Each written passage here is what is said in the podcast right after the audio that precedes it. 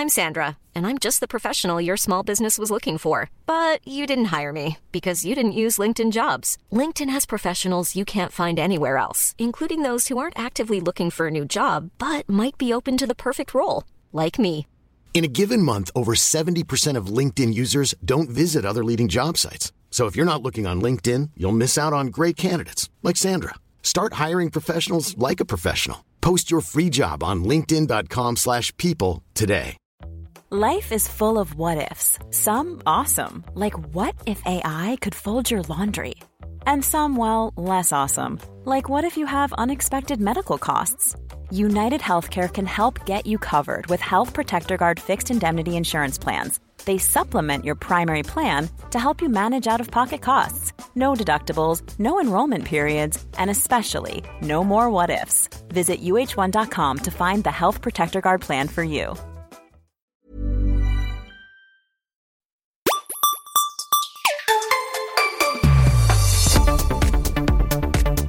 Kära vänner, eh, det är med stor glädje och viss skam som eh, jag välkomnar er till Macradion nummer 150. Vi har ju haft en del som har hindrat oss från att eh, spela in det här avsnittet. Mikrofoner, monoljud och leveransproblem och livet i största allmänhet. Men nu är vi här i alla fall. Jag, Henrik Hågemark och min medbrottsling Gabriel. Hur har han det idag? Ett sant nöje Henrik. Jo, han har det bra. Visst är det. Även idag så att säga. ja, det, var, det, det var ett tag sedan vi spelade in Macradion faktiskt. Eh, men detta är alltså det 150 avsnittet. Det är ju eh, faktiskt en milstolpe. Ja, det tycker jag. Så det är väl inte fel men lite av en, eh, vad ska man säga, på nyttfödelse eller renässans nu, nummer 150. Borde inte Peter Esse för att liksom fira det här, det inträffade, har skickat någon slags skumpa till oss inför den aftonen. Det kan vi nog vara helt överens om, definitivt. Det är ju märkligt att detta inte har inträffat faktiskt. En, en, en, en miss helt enkelt. En plump i protokollet från hans sida. Och en subtil hint för framtida avsnitt, kanske nummer 151. Vem vet? Det är också något att fira. ja, alla, alla avsnitt bortom nummer ett är ju en milstolpe i sig. Ja, och vem, det är väl inte fel med en skumpa. Eh, liksom, Till det kan väl bli en ny tradition tycker jag. Ja. Det kanske blir sämre kvalitet i, i, i själva innehållet. Men, Eller så blir det inte ja. det snarare kanske. Jag, jag kan tänka mig att många, många poddradioavsnitt hade blivit bättre med lite skumpa. Lite, en, en mindre, en mindre berusning. Salongsberusning Henrik. Det är liksom nyckeln till framgång här i livet. Jag tror det finns vetenskap som mer eller mindre slår fast att är du bara, är du bara lite berusad så blir allting bättre. Men är du, är du väldigt mycket berusad så blir allting sämre. det mm, nej, men jag ska ta detta som en, som en lärdom för framtiden. Du som är student, även i, i till vardags så att säga, borde ju vara medveten om detta vid det här laget. Vad, vad har du egentligen Att- lärt dig när att du legat i Lund?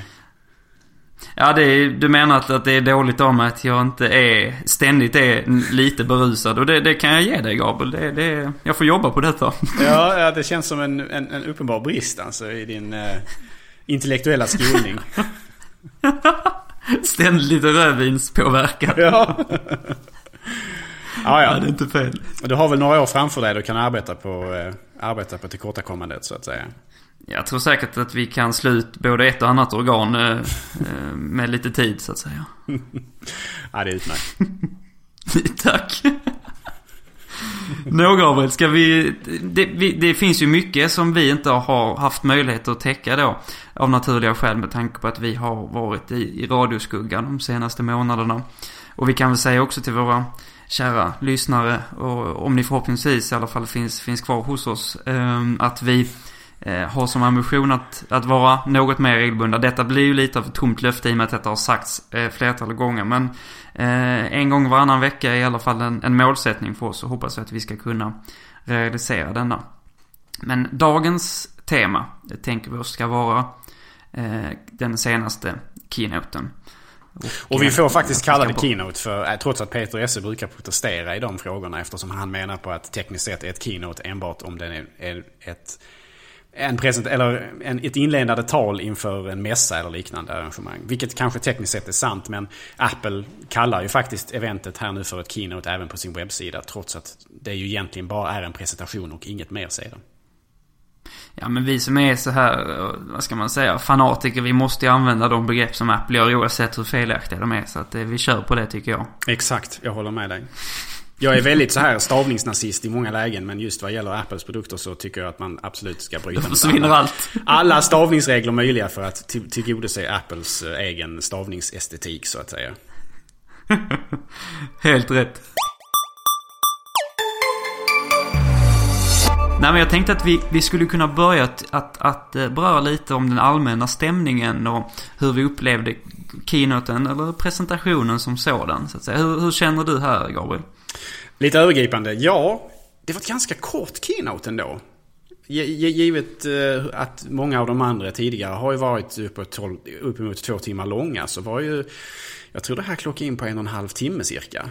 Eh, ja, det stämmer nog faktiskt. Och, och, och, jag menar under det här keynotet så var det faktiskt en hel del eh, förinspelat material som visades. Kanske till och med, jag har inte statistik på detta, men det kändes som det kanske var ännu lite mer än vad man har haft i många andra keynotes.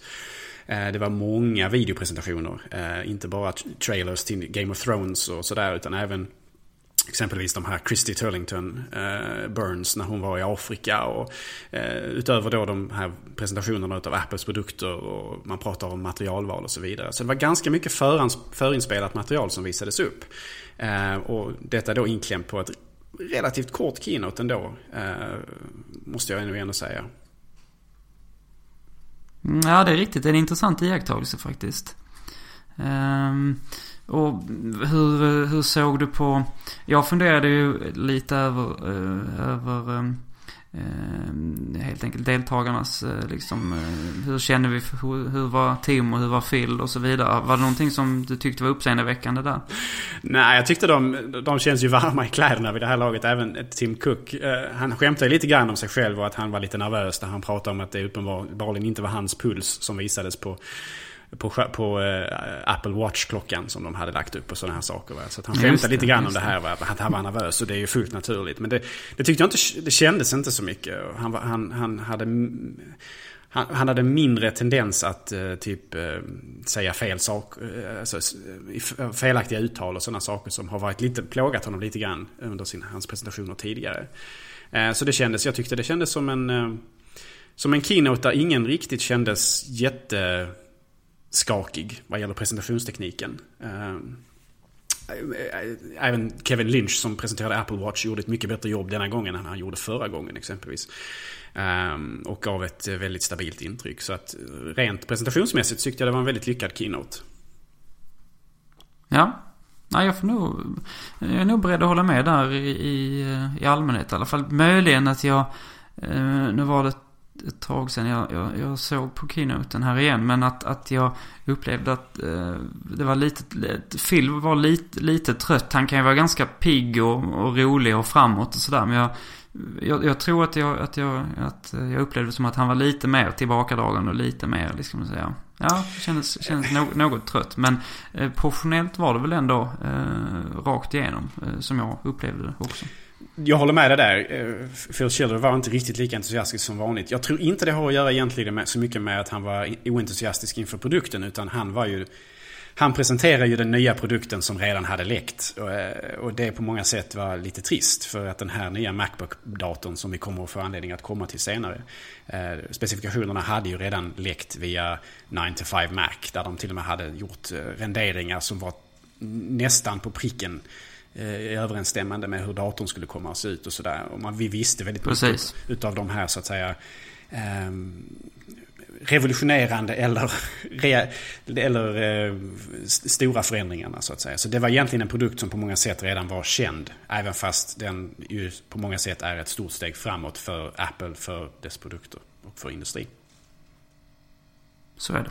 Definitivt. Så hans, jag uppfattade mer hans han var inte lakonisk, men han var lite mindre entusiastisk. Lite för att han förmodligen var besviken över att, att den produkten som han stod och skulle presentera och som på många sätt var en, en fantastisk sådan.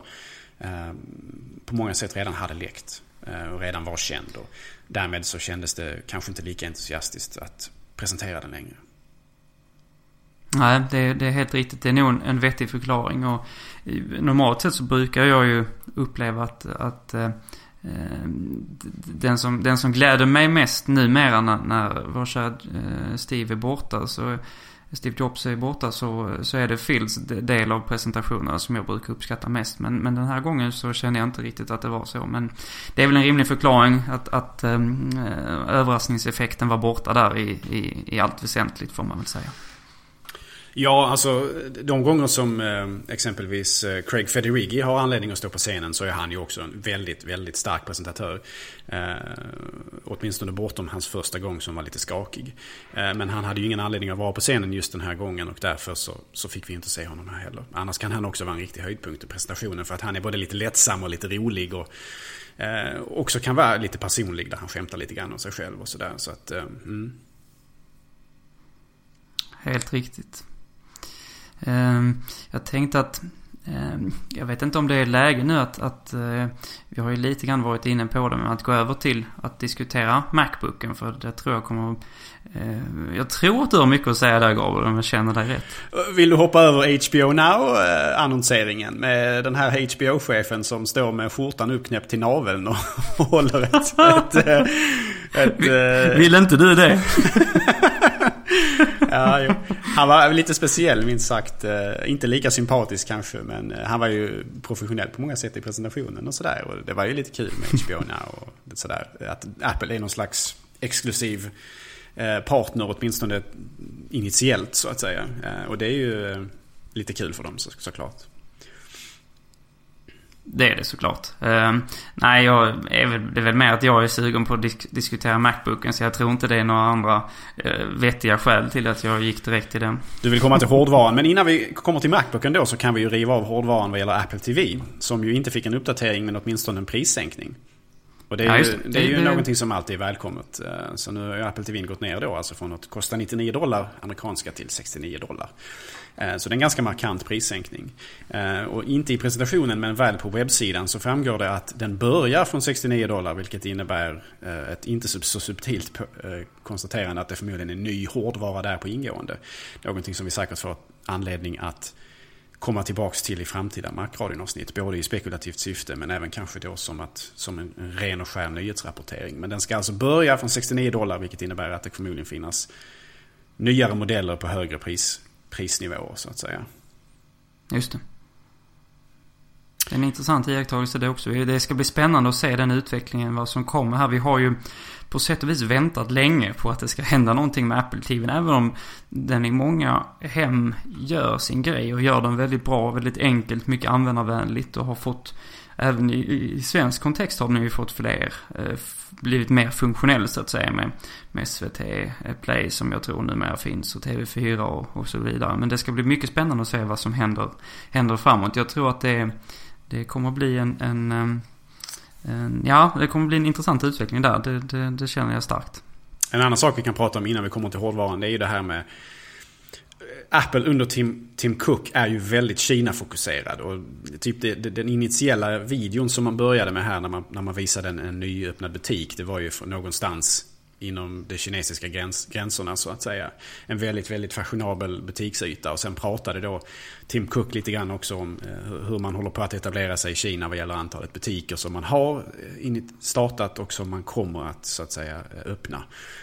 Så att det är ju återigen, fokus är väldigt, väldigt mycket på, på Kina under Tim Cook. Och det är ju det är såklart naturligt, det är en, en under, underexploaterad marknad för Apple. Det finns en hel del människor med tillräckligt mycket pengar för att faktiskt köpa Apples produkter där vid det här laget. Den stora breda massan har ju inte en chans alls. De har på sin höjd möjlighet att jobba i Apples butik butiker. Men det har ju en växande medelklass och eh, en hel del eh, underlag just för att eh, sälja väldigt mycket av produkter som Apple kan leverera. Så att det, är, det är en stor fokus, det har varit ett tag. Och den växer känns det som vad gäller fokus för Apple just. Och nu är de ju, tar de ju faktiskt den initiella uppmärksamheten på keynoten också. Ja, det är intressant att du nämner det. Och det, det blir ju Eh, tydligt här i kontrast mot Steve Jobs som till synes i alla fall var relativt ointresserad av, av Kina som, som jag upplevde. Jag tror inte ens att han uh, har var, hade varit där så att säga på plats. Um, I någon, någon av fabrikerna eller så. Som jag minns det i alla fall. Eh, rätta mig om jag har fel. Uh, så att man, där ser man ju ett, ett tydligt skift, uh, tycker jag. Um, och Apple har väl enligt vissa bedömare också varit lite, lite sena med att satsa i Kina och man har ju alltid eh, lanserat produkter först i USA och sen de senaste åren så, så har väl vissa europeiska länder kommit eh, eh fått antingen samma eller i alla fall ett, ett någorlunda tidigt eh, releasedatum för, för nya produkter. Men numera eh, i, i den senaste perioden så, så tycker jag man säger också att det, det är vanligare och vanligare att antingen Kina är med bland de första länderna eh, eh eller är tillsammans med USA. Eh, eh, liksom ett land där man, där man lanserar produkterna direkt. Och det är ju en naturlig utveckling tycker jag med tanke på att, att eh, det finns så, som du var inne på, väldigt många potentiella eh, Apple-kunder helt enkelt. Mm, det finns stort, stort underlag för försäljning och, och vinst och sådär. Det är lite lustigt att man producerar de här produkterna i Kina och sen så landar själva lanseringen av produkterna i Kina långt mycket senare än övriga världen. Som det kanske historiskt sett har varit lite mer. Eh, jag tror även ja. det, det, eh, det är både det faktumet att Kina är en, en, stor marknad och det finns stora potential där. Men sen är det också kanske, om man nu prioriterar upp dem lite grann, ett sätt att komma till rätta med den här, den här så kallade scalping-verksamheten. Där, man, där människor köar i, i liksom hur länge som helst utanför Apple-butiker i Amerika för att köpa produkter som sen skeppas rakt till Kina. Eh, och säljs mycket, mycket dyrare på en så att säga svart marknad där och sådär.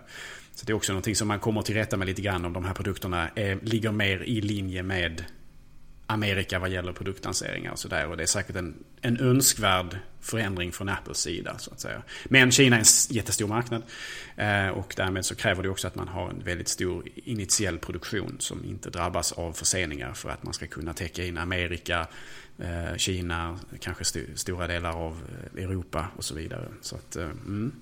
Det gör ju på många sätt Tims jobb, Tim Cooks jobb svårare. Men samtidigt så är det, det är nog önskvärt för dem att man kommer till Kina tidigare så att säga. Det tror jag verkligen också. Ja, eh, vi kanske kan prata lite grann om, innan vi kommer till Macbook, jag tror tidigare i själva eh, I själva keynoten så, så hade ju Jeff Williams eh, en, en, eh, en, möjlighet att presentera Research Kit i samband med att de pratade lite om iPhone och, och sådana här saker. Eh, och Research Kit är alltså Apples ambition att införliva iOS-ekosystemet framförallt. iPhone-produkterna, kanske iPod Touch och ehm, Apple Watch vad det lider Eh, in i hela den här hälsosfären som har liksom växt under de, de, senaste åren vad gäller att man håller koll på allt från puls till liksom hur många steg man tar om dagen och så vidare. Och ResearchKit är ju då ett sätt, en ambition så att säga, att, att öppna den här världen för eh, forskning vad gäller diverse olika sjukdomar eh, och problem som människor dras med. Och jag tror att den här presentationen var egentligen på många sätt eh, en av de viktigaste aspekterna med den här keynoten. Eh, även fast den kanske för oss liksom hårdvaruentusiaster och sådär kanske känns lite som lite torr och lite tråkig.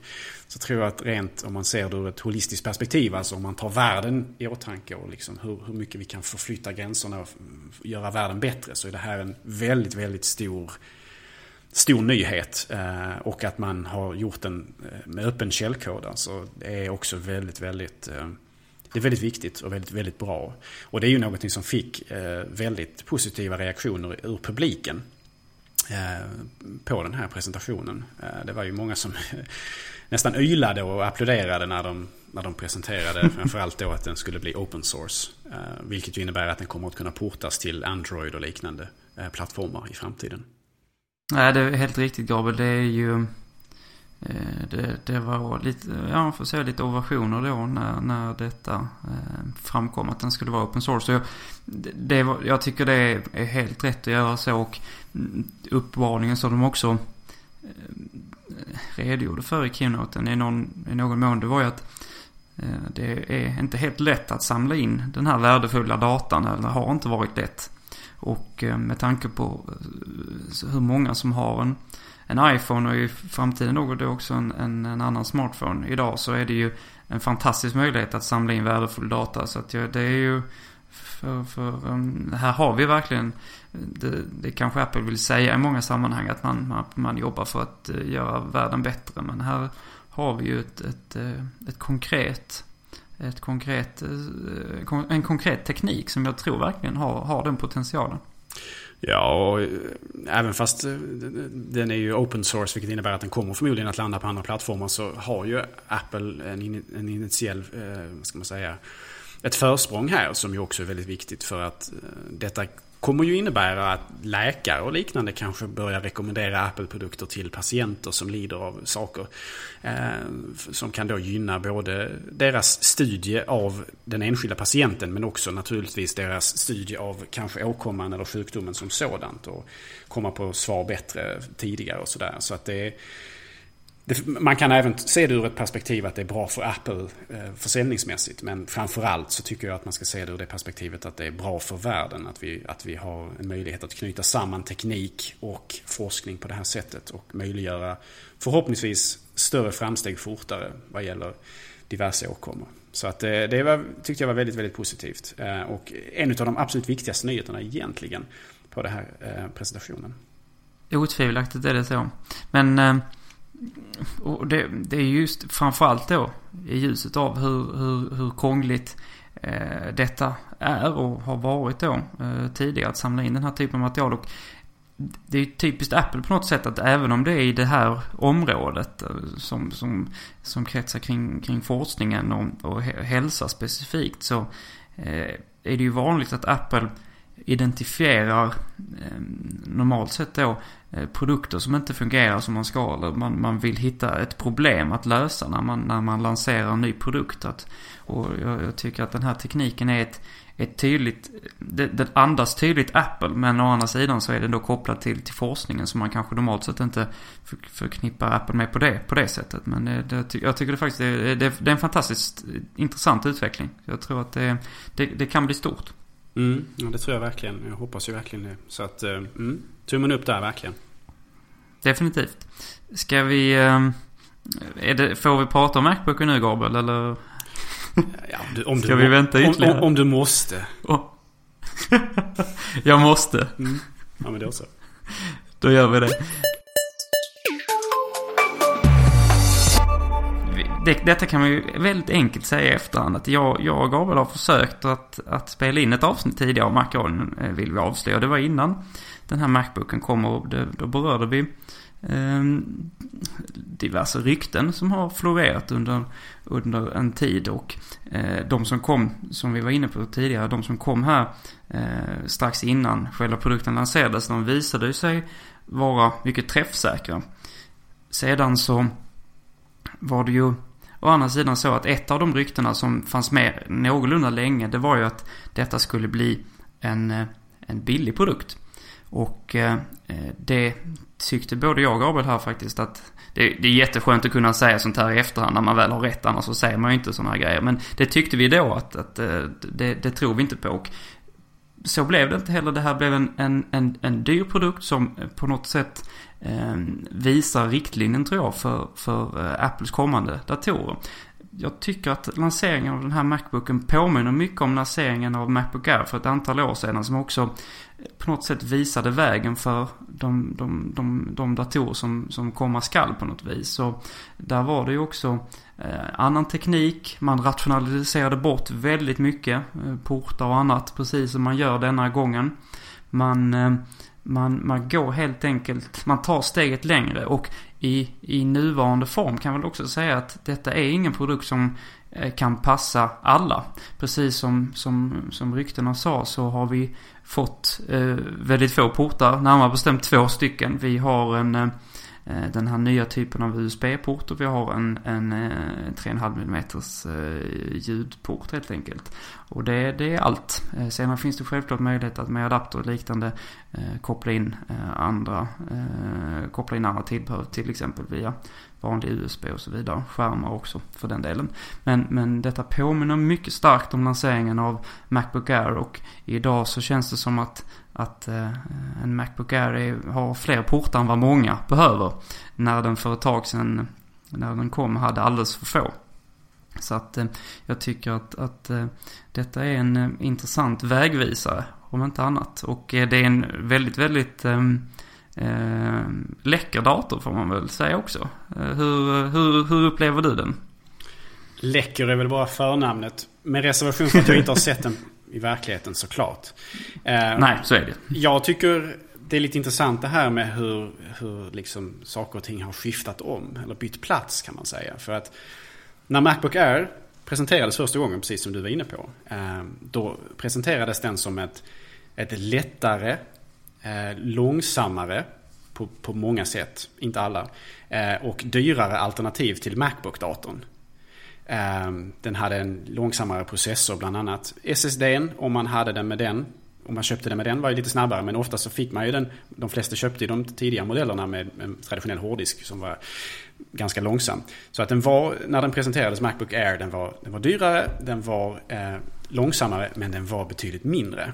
Mot Macbooken då som ursprungligen var tyngre, snabbare och billigare. Eh, nu har de då bytt plats på varandra, med varandra i det här segmentet. Så nu är helt plötsligt Macbook Air som är tyngre, tjockare, eh, snabbare och billigare. Medan Macbook helt plötsligt då har liksom återuppstått likt fågeln Fenix ur, ur, ur askan. Och blivit den, den tunnare, den lättare, eh, dyrare och långsammare produkten. Så de har liksom bytt plats med varandra så att säga, så att säga i produktsegmentet. Eh, eh, vilket är lite, lite lustigt. Nu helt plötsligt betyder Air inte längre att den är lättast. Normalt sett har ju det liksom varit fokusen till viss del. Alltså, att, att men, på något sätt... men Gabriel, det, detta, detta är ju mycket intressant. Men och, det är liksom ingen, ingen märklig utveckling på något sätt. Men jag upplevde i alla fall att, att jag, jag tycker det blir märkligt när man, när man döper produkterna på det här viset. Som jag upplever det så förknippar många som du var inne på, alltså Macbook Air med det tunna, det lätta, det nya liksom. Och det blir ju också, jag menar, man, man kom med en, med en iPad Air, vilket jag egentligen tyckte också var lite konstigt, men den här gången blir det ännu märkligare att eh, man, man, man tar Macbook-namnet som egentligen, som du var inne på, är datorn som har innan har riktat sig till den breda massan. Den har ett gäng portar, den är förhållandevis, eh, för att vara en, en dator från Apple, billig. Och eh, den har väl inte heller spjutspetstekniken på det viset. Medan det nu blir Macbooken som, som sätter då, vad ska man säga, eh, sätter ribban och har den absolut senaste tekniken. Eh, namnvalet förvånar mig, det måste jag säga. Ja, det är man har målat in sig lite i ett hörn för man kunde inte gärna döpa om det vi idag kallar Macbook Air till Macbook och ge den här datorn Macbook Air-namnet. Eh, utan man var tvungen till att liksom ge den ett nytt namn för det är på många sätt en ny produkt. Men det är ju, precis som du är inne på, det är ju lustigt att Macbook Air tidigare var den elitistiska modellen som kostade mer men på vissa sätt erbjöd mer. Medan idag eh, är det tvärtom att nu är det igen Macbook som nu är den lite dyrare eh, men på, på många kännbara sätt också lite bättre produkter. Eh, men jag tycker det är en naturlig utveckling på sitt sätt och jag, jag är ganska övertygad om att inte bara Macbook Air-datorn som sådan utan även namnet kommer att försvinna inom en snar framtid, låt säga ett år kanske. Eh, för att det handlar egentligen bara för Apple nu om att få ner priset på Macbook den nya Macbook-datorn Macbook som presenterades till de instegsnivåerna prismässigt man vill och sen försvinner ju Macbook Air för gott. Det finns ju egentligen ingen anledning att ha kvar Macbook Air som sådan. Den kommer ju aldrig få en Retina-skärm och så vidare utan den, den kommer ju att vara det som på engelska kallas för the legacy model. Alltså den, den som har den gamla tekniken tills man kan utrangera den helt. Eh, och då kommer man få, få ett, ett, vad jag tycker ett bättre produktsegments eh, nomenklatur.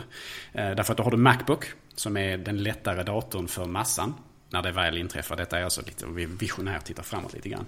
Eh, Medan då Macbook Pro kommer att vara mer inriktad mot eh, lite mer krävande applikationer, lite en tyngre dator och så vidare. Så att jag, jag ser fram emot den dagen där vi bara har Macbook och Macbook Pro som är ett mycket renare sätt att liksom ha göra distinktionerna. Att man bara lägger till Proet på en och så, så, innebär det vissa saker lite tyngre men större prestanda och så vidare. Uh, istället för Air då som kändes lite, just namnmässigt kanske lite, lite billigt sådär. Eh, börjar kännas lite Detta, lite, detta tycker jag är, det, jag tror att det är helt rätt att man, att man går den här uh, utvecklingen till mötes. Så när, när Steve Jobs kom tillbaka som vår store frälsare så uh, det man gjorde där var ju att man ville att Apple skulle ha egentligen fyra, fyra typer av datorer. Två eh, eh två bärbara och två stationära. Eh, och så skulle de rikta sig mot eh, vanliga konsumenter och skolanvändare respektive de professionella användarna. Och jag ser heller absolut ingen anledning till att man i ett framtidsperspektiv kommer behålla Macbook Air. Och det är ju snyggare att den bara heter Macbook egentligen. Sen tror jag inte att det kommer gå så fort som ett år. Jag menar den vita Macbooken hängde med ganska länge och användes som ett sätt att, att man för Apple att ha en dator under 100 000 dollar och eh, såldes i massor till skolor och sånt under faktiskt under lång tid. Så att jag tror att Macbook Air i sin, i sin nuvarande form kommer vara populär eh, och kommer säljas. Jag tror faktiskt mer än ett år, ärligt talat. Men, Kanske två. Eh, för, för, att det, Ja, Något sånt. Jag det, tror det, nog det. Du har säkert rätt där. Säkert, säkert kanske två års tid. Det handlar om att få ner priset på Macbook. Frågan är hur lång tid det tar. Uh, men det, det, Ja. det handlar mycket om retina-skärmen och så vidare. För det är ju den som kanske är, uh, kanske är dyr då, uh, delvis. Och det vi vet i det här sammanhanget är att Apple, Apple skiter ju, om man får använda uttrycket, i om, om, man, om det finns konsumenter som vill ha eh, vissa gamla, om man uttrycker det så, portar eller teknik eller så. Det är inte där problemet ligger utan det är precis som du säger att ma, ma, jag tror att man är skoningslös. Man vill egentligen kunna lansera Macbooken och ta bort Macbook Air direkt men man,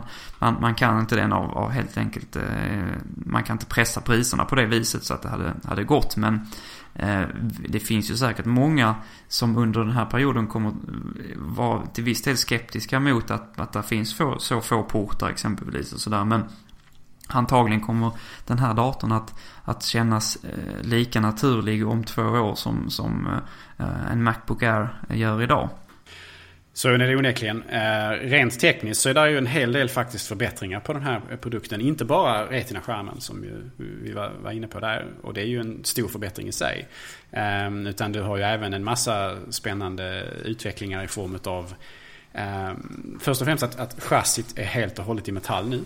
Det tycker jag är väldigt trevligt. Man har alltså kunnat skippa den här eh, plastbaksidan som alla Apples laptops eh, mer eller mindre har haft eh, fram till nu. För att man helt enkelt har lyckats baka in antennerna. Det vill säga både wifi och bluetooth-antennerna på ett sätt som gör att man, man kan man helt enkelt inte behöver plasten som ett radio radiotransparent material på samma sätt.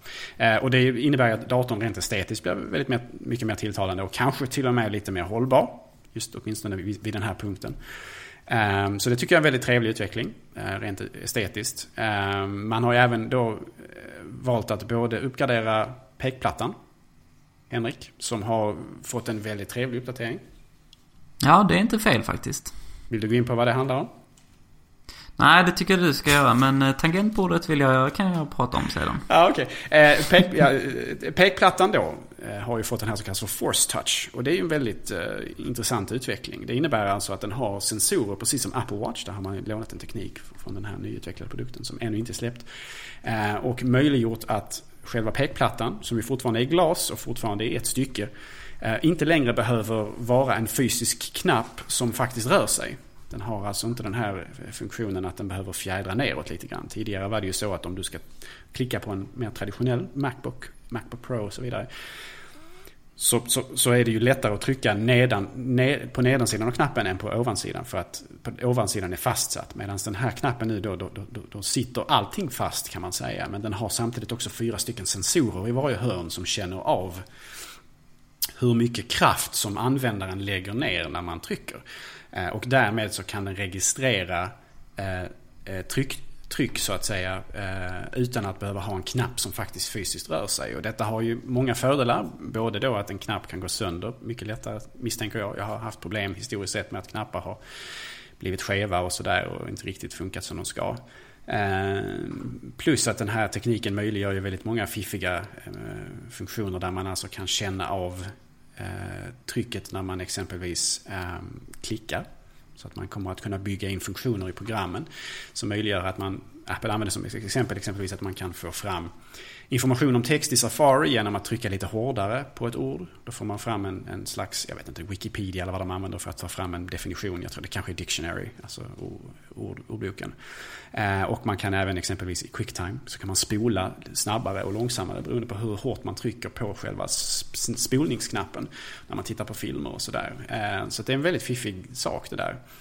Eh, och eh, det är, jag tycker att överhuvudtaget, för grejen är det att tap to click har vi haft tidigare. Eh, och det är ju att man helt enkelt har möjlighet att man kan sätta på den här funktionen och då behöver man inte klicka fysiskt på knappen utan man kan bara liksom slå ner med fingret på själva mus eller på själva eh, pekplattan och därmed så registreras ett klick. Och jag har alltid hatat detta. Aldrig rätt ut det, inte ens på en Mac. Där, den fun- där det funkar bättre än på många PC. Men jag har alltid hatat det, alltid, aldrig gillat det. Och jag var alltid lite rädd att de skulle någon gång plocka bort den fysiska knappen. Vilket de faktiskt har gjort nu.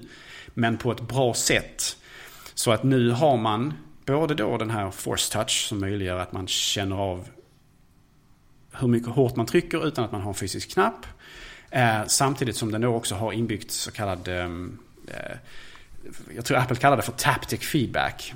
Alltså att man har någon slags vibra vibration inbyggt i knappen som innebär att när man trycker och klickar så, så kan den här musplattan eller pekplattan trots att den inte rör sig egentligen ge känslan i fingret av att man faktiskt har tryckt på en knapp. Så man får en slags fysisk respons på att man faktiskt har tryckt. Eh, och det tycker, Just jag, det tycker jag är en väldigt, väldigt spännande teknik och en bra eh, förbättring. Med tanke på att alla som har provat det, vad jag har läst, har varit väldigt imponerade av hur hur rätt det faktiskt känns. Jag har till och med sett folk som har recenserat den här datorn på, på YouTube och liknande som har, som har pratat om pekplattan. Men som aldrig någonsin, som, som inte hade förstått att den faktiskt inte rör sig. Utan som, som fortfarande trodde att plattan rörde sig för att när de tryckte så upplevde de, det, de, de det som att den rörde sig. Men det är alltså den här eh, haptiska feedbacken eller det som Apple kallar för taptic feedback. Alltså att, att den har en möjlighet att skicka vibrationer eh, som, som gör att det känns som man klickar trots att du faktiskt inte gör det. Eh, och det tycker jag är en väldigt, det, väldigt trevlig utveckling. Det är det och jag, jag var lite, det är väldigt imponerande att man har lyckats med detta och jag var något skeptisk därför att eh, så som du berättade också att eh, Många Windows-användare är vana vid att man, att man, eh, vad ska man säga, man, man, man knackar liksom för att den ska, för att man ska klicka på musplattan. Man trycker inte Eh, på den, eh, man trycker inte ner knappen på riktigt så att säga. Jag har alltid uppskattat när man har den här känslan av att, att det här är en, en riktig knapp. Jag tycker det går inte att jämföra. Jag tycker det är fruktansvärt som, som många har det inställt. Det, det, så att jag är glad att, att eh, man har lyckats få den här känslan men ändå med den här nya tekniken så att säga. PC-användare har ju liksom fått utstå all världens plåga och pina eh, genom, genom tiderna vad gäller just de här pekplattorna på PC-datorer. Jag har aldrig provat en pekplatta på en PC-dator som varit bra. Jag har ändå provat en hel del och det är en av de, de det är en av de mest kritiska komponenter på datorn och den är alltid extremt åsidosatt på PC-sidan oförklarligt för min del varför. Jag vet inte om man alltid räknar med att folk ska koppla in möss. Eller om man, eftersom inte man kontrollerar mjukvaran på samma sätt, inte har orkat skriva drivrutiner. Eller vad det är man, vad som är fel. Men det har alltid varit extremt dåliga pekplattor på alla andra plattformar. Eller på PC-plattformen, diverse olika tillverkare. Sett i relation till Macen. Vi har alltid varit väldigt bortskämda med extremt bra pekplattor. Även på den tiden när vi hade pekplattor som liksom hade diskreta knappar. Eh, där inte pekplattan i sig var en knapp utan man hade diskreta knappar nedanför. Eller diskret knapp, singularis, förlåt. Eh, på macken. Eh, så att vi har alltid varit extremt bortskämda med det. För att vi förväntar oss bättre Mac-användare.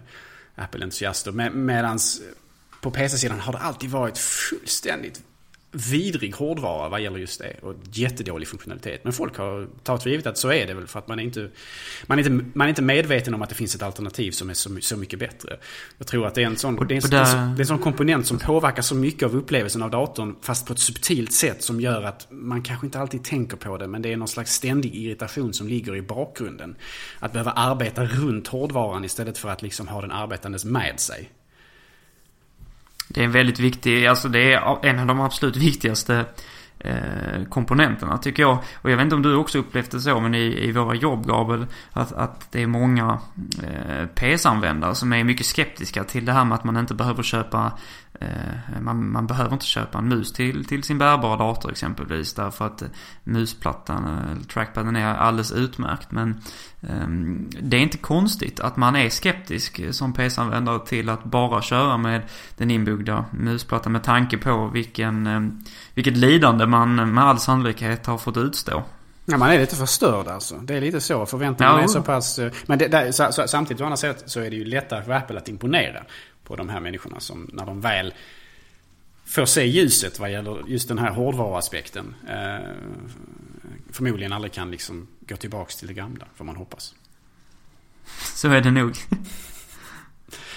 uh, ja, det, jag tänkte... det, det, och en annan viktig aspekt med hårdvaran på en laptop och alla datorer egentligen, Henrik. Som tangentbordet. Är tangentbordet, exakt. Och det, där, vill, där, där vill man ju eh, poängtera där också att det är ju typiskt. Alltså Apple har ju alltid varit väldigt skickliga på att, att, eh, att göra laptop-tangentbord. De, många tillverkare lägger ju inte särskilt mycket energi på detta och de känns eh, tangenterna känns eh, plastiga eller har fel storlek eller... Och, det, och det är någonting som, jag menar, det är inte många, många heller komponenter som man använder så frekvent som tangentbordet använder man hela tiden såklart. Eller så är det för många knappar. Ja, Många det är också har egna ett funktionsknappar och de har smäller in den här eh, liksom, numeriska delen på laptops och så vidare som gör att eh, tangentbordet... Apropå detta Gabriel. Måste, detta måste jag få ut sitter, sitter den här knappen. off center. när man, det finns ju mest på, på de här, eh, vad heter det, eh, stora tangentborden som man har till en stationär dator. Men att det finns en knapp för att aktivera den här numeriska delen. Mm -hmm. Vad är grejen med det? Ja, ja. För, för det är ett av de, mitt livs största mysterier. Att ja. många Windows-tillverkare, eller förlåt, PS-tillverkare som kör Windows. Att, de, att man har en knapp för att aktivera en, en hel knappsats som finns där. Är det, det inte för vansinnigt. att man ska kunna eh, använda den som eh, ibland så kan man ju använda den numeriska delen för annat än för in siffror. Man kan exempelvis använda den som piltangenter och sådär. Jag tror, är det inte något, har det inte något med det att göra? Kan man, ja, det kan, kanske ja, kan kanske, ha med nej, det att göra. Men jag vet i alla fall att jag har, jag har tänkt på detta liksom. Jag har alltid varit otroligt glad att Apple, den knappen finns inte vad jag vet på. Även på Apples eh, större tangentbord så att säga. Men jag kände att jag ville få ut det här. Någonting jag har funderat på i Macradion. Det finns kanske en, en, en, bättre förklaring än den vi har givit. Men det är bara det att vi inte besitter den. Hur som helst, Apples laptops har inte numerisk del. Och detta är vi väldigt, väldigt tacksamma för. Inte ens 17-tummaren hade det på sin tid. Där det definitivt fanns plats till det. Eh, men det är ju det att då hade ju tangentbordet inte suttit, suttit centrerat. Vilket rent, inte bara estetiskt hade varit fruktansvärt. Utan även naturligtvis um, rent ergonomiskt hade varit ett problem. För att man sitter fel. Oh ja. Så att det, det, det är vi väldigt tacksamma för. Men det här nya tangentbordet Henrik, jag vill att du pratar lite grann om det. För att det har en hel del fiffiga förbättringar.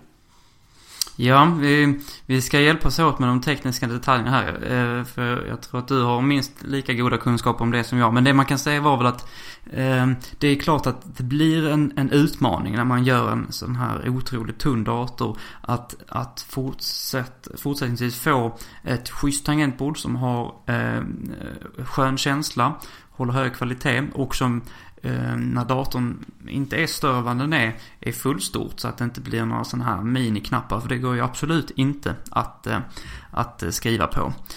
Så att det, det var väl det som var målsättningen så som jag har tolkat Och då, om jag har förstått det hela rätt här Gabriel, du får rätta mig, så har tidigare traditionella tangentbord haft någon form av jag tror man kallar det saxmekanism eller någonting sånt som, som, som helt enkelt eh, själva tangenterna sitter på. Och det gör ju också då att när man, om man trycker till på våra tangentbord idag, trycker på en tangent eh, lite i kanten så kan det kännas, ska man säga, lite svajigt eller så. Och eh, med det här nya tangentbordet så har man, eh, in, eller vad ska man säga, innoverat fram eh, någon form av eh, ny mekanism. Man, jag tror man kallar det fjärilsmekanism. Ja, det stämmer och, bra. Eh, det stämmer bra. Eh, och där, där, har man då eh, den är bredare, vad jag förstått det som, än eh, saxmekanismen. Och den tillverkas i ett steg och i ett styvt material. Så att tangenterna blir mycket stabilare. Och de svarar exakt och tar också mindre plats i, på höjden eller vad man ska säga. Och man kan, vad jag har förstått det som, trycka eh, lite varstans på själva tangenten och ändå att det, det får samma stabila, trevliga känsla. Eh, och detta var också som jag förstod det en förutsättning för att man, man skulle kunna göra datorn, eh, den nya Macbooken, så pass, eh, så pass tunn. Så att här har man dels eh, gjort tangentbord som gör att datorn blir tunnare. Men jag tror framförallt också att det är ett bättre tangentbord i sig. Att det är ett, ett skönare tangentbord att skriva på. Mm, tror jag också. Jag är väldigt exalterad inför detta tangentbordet. För att även Apples gamla tangentbord har alltid känts lite mosiga. Eh, det finns definitivt många tillverkare som gör sämre tangentbord än Apple historiskt sett har gjort. Men Apples laptop-tangentbord, vilket ju egentligen är de tangentborden som sitter även på deras stationära datorer. Eh, eller rättare sagt, som hör till deras stationära datorer, sitter inte på dem rent fysiskt. Ehm, har ju varit lite flimriga. Eh, lite liksom så här, alltså när man trycker på en knapp, speciellt en stor knapp så, så liksom så svajar den ner där men inte över hela knappen. Man får inte ett jämnt nedtryck. Och tanken här då med den här eh, fjärilsmekanismen då, sett i relation till den gamla eh, saxmekanismen. Eh, så ska det alltså bli ett mycket jämnare nedslag. Eh, som då ger en bättre känsla när man väl skriver. Kombinerat då med de här större knapparna. Eh, som ju, jag tror Apple sa att de var 17% större eller någonting i den stilen. Eh, I relation till de tidigare tangentborden. Gör ju att man har både lättare att träffa, träffa knappen men även skulle man träffa den lite, oh, lite för, bortom liksom mitten eller mittpunkten så, så får du ändå ett, ett, stabilt nedtryck så att säga. En, en mycket mer eh, robust och gedigen känsla i tangentbordet. Kan jag tänka mig, jag har inte provat det själv ännu. Men jag tycker det är en väldigt välkommen Ehm, innovation, för det här är ju ändå en Apple-uppfinning, den här eh, the butterfly mechanism som de kallar det, alltså fjärilsmekanismen. Ehm, och det är nog någonting som jag tror gör tangentbordsanvändandet betydligt bättre. Mm, dock finns det en reservation för att, och det här kanske inte jag tycker är så hemskt, men om man gillar tangentbord med lite mer djup, alltså på det som på engelska kallas för travel, alltså att, att du kan trycka djupare då är ju kanske det här tangentbordet en, försämring, inte en förbättring. För precis som du var inne på, det är, det är grundare tangentbordet, vilket innebär att knappen rör sig, eller tangenten rör sig, eh, inte lika djupt. Jag tror jag kommer att gilla det, men jag tror också att det kommer att finnas folk som kommer att tycka mindre bra om det. Eh, för att somliga vill ha mer av en en färd neråt just vad gäller eh, tangentnedtryckningen så att säga. Men jag tror att eh, även för dessa människor så är det här en, en eh, avvägning som kommer att vara överlag positiv. Alltså att man i valet mellan liksom det ena eller det andra alternativet som bägge två kan ses som kompromisser. Så tror jag att det här är en förbättring även för de allra flesta användare. Eh, jag, jag tycker det, det, här, det känns som en överlag ett mycket, ett mycket förbättrat tangentbord. Um, sen har man ju då även möjlighet, haft möjlighet att bygga in individuella LED-belysningar i tangentbordet. Vilket innebär att um, tangentbordet kommer att vara mer jämnt. Uh, eller rättare sagt, varje enskild knapp kommer att vara individuellt belyst. Vilket innebär att det, belysningen sker bara på själva symbolen. Eh, det kommer alltså inte läcka något ljus runt omkring knappen som vi ser i våra nuvarande tangentbord idag. På, på Apples bärbara datorer. Um, vilket ger ett renare intryck och kanske lite lättare att se just symbolen i sig. Um, och jag tror också att det kommer att vara en, en, stor förbättring just vad gäller eh, rent estetiskt och sådär. Så att, och jag, det är mycket möjligt att det även är mer energieffektivt. För jag tror att man har haft, tvingats ha större belysningsyta tidigare när man har belyst hela tangentbordet. Eh, som en helhet istället för att belysa individuella Eh, knappar så att säga. Ja, nej det... Jag, jag tycker att eh, det är även det är en, en trevlig, trevlig utveckling. Eh, och det är, det är intressant här att man, man på, på många sätt så, så det är intressant att man, Apple hela tiden fortsätter att hitta innovationer. Jag menar det är ju Eh, det är många nu som har ehm, PC-tillverkare som har liksom ehm, även börjat med bakgrundsbelysta tangentbord. Så det är väl inte så unikt längre som det var när ehm, när, när, när det kom. Det var väl på, eh, jag tror att det var på Powerbooken som det kom från början. Var det inte det Gabriel? Det stämmer. Ursprungligen på Powerbook. G4-varianten. Den i, i aluminium. Men nu har man då hittat ett sätt att förfina den här tekniken ytterligare. Både när det gäller belysning och tangentbord. Så, så att vi, här finns ju många saker på den här datorn som, som är framtiden och som är väldigt spännande teknik Eh, Eh, för eh, vår kära Mac-plattform som kommer bli viktig för, för, för plattformen och för konkurrenskraften eh, framåt. Jag tycker att det här är, det, de här små sakerna som man kanske kan tycka att, att det är som en, som en ny, ny tangentbord exempelvis kan innebära. Det är, det, det är egentligen de, de viktiga grejerna här och det är det som sätter, skapar möjligheterna för helt nya typer av bärbara mackar framåt. Det här är återigen en så här subtil förbättring som kanske enskilt kanske inte väger jättetungt hos de flesta konsumenter. Men jag tror helheten, speciellt om man medveten görs om det, kommer att ha stor betydelse. Eh, och just den här ehm, den här eh, eh, fjärilsmekanismen. Jag, jag hoppas verkligen att, eh, jag tror och hoppas att det kommer att bli riktigt, riktigt bra.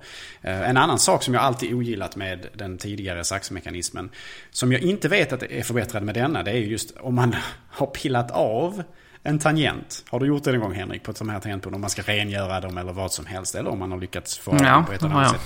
Att det, det har jag lyckats med, inte frivilligt men... Mm. Inte frivilligt kanske, men det är ett, alltså ett rent elände att försöka få tillbaka knappen igen. Det är inte alls självklart att, det, att, att man lyckas. Vissa, vissa, vissa datorer har jag lyckats bra på, vissa har jag tyvärr lyckats mindre bra för. Eh, det kan stundtals vara problematiskt att föra tillbaka de här tangenterna på den gamla mekanismen. Dock är jag inte säker på att det, detta är bättre med den nya. Det, det, det återstår att se. Men det, det, är en förhoppning jag har att det kanske ska bli lite lättare att sköta själva servicedelen kring de här tangentborden. Ehm, men det, det återstår att se om det så är fallet. Men jag hoppas på det verkligen. Men det här nya tangentbordet, väldigt, väldigt trevligt. En annan ganska så subtil detalj. Nytt eh, typsnitt på tangenterna. Henrik, har du noterat det? På det? Det, det, visste jag faktiskt inte Gabriel. Eh, det är ju typiskt att du noterade men, men eh, det har jag inte tänkt på. Kommer jag inte ihåg vad det gamla hette som, som man, man har använt på sina bärbara datorer hur länge som helst bara för det eh, just nu. Men det nya heter San Francisco. så ah. det, och det är väl samma typsnitt vad jag förstår som används på Apple Watch. Så att man lånar alltså även där själva typsnittet när man för över det till tangenter.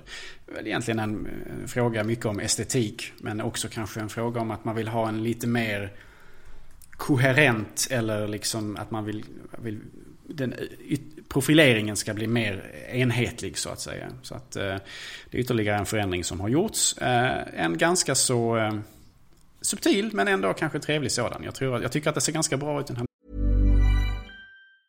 Life is full of awesome what ifs, and some not so much, like unexpected medical costs. That's why United Healthcare provides Health Protector Guard fixed indemnity insurance plans to supplement your primary plan and help manage out of pocket costs. Learn more at uh1.com. Many of us have those stubborn pounds that seem impossible to lose, no matter how good we eat or how hard we work out. My solution is PlushCare PlushCare is a leading telehealth provider with doctors who are there for you day and night to partner with you in your weight loss journey. They can prescribe FDA-approved weight loss medications like Wagovi and Zepbound for those who qualify.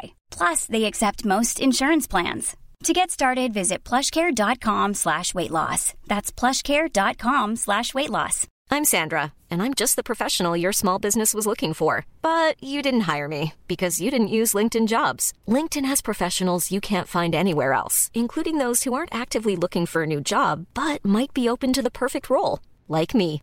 In a given month, over 70% of LinkedIn users don't visit other leading job sites. So if you're not looking on LinkedIn, you'll miss out on great candidates like Sandra. Start hiring professionals like a professional. Post your free job on linkedin.com/people today. Nya, um, nya, nya typsnittet. Eh, jag går gärna in och tittar på typ skärmdumpar eller bilder på den här datorn och sätter i relation till, den, till, den, till de gamla modellerna så ser ni vissa skillnader uh, som på, de här, på det här typsnittet.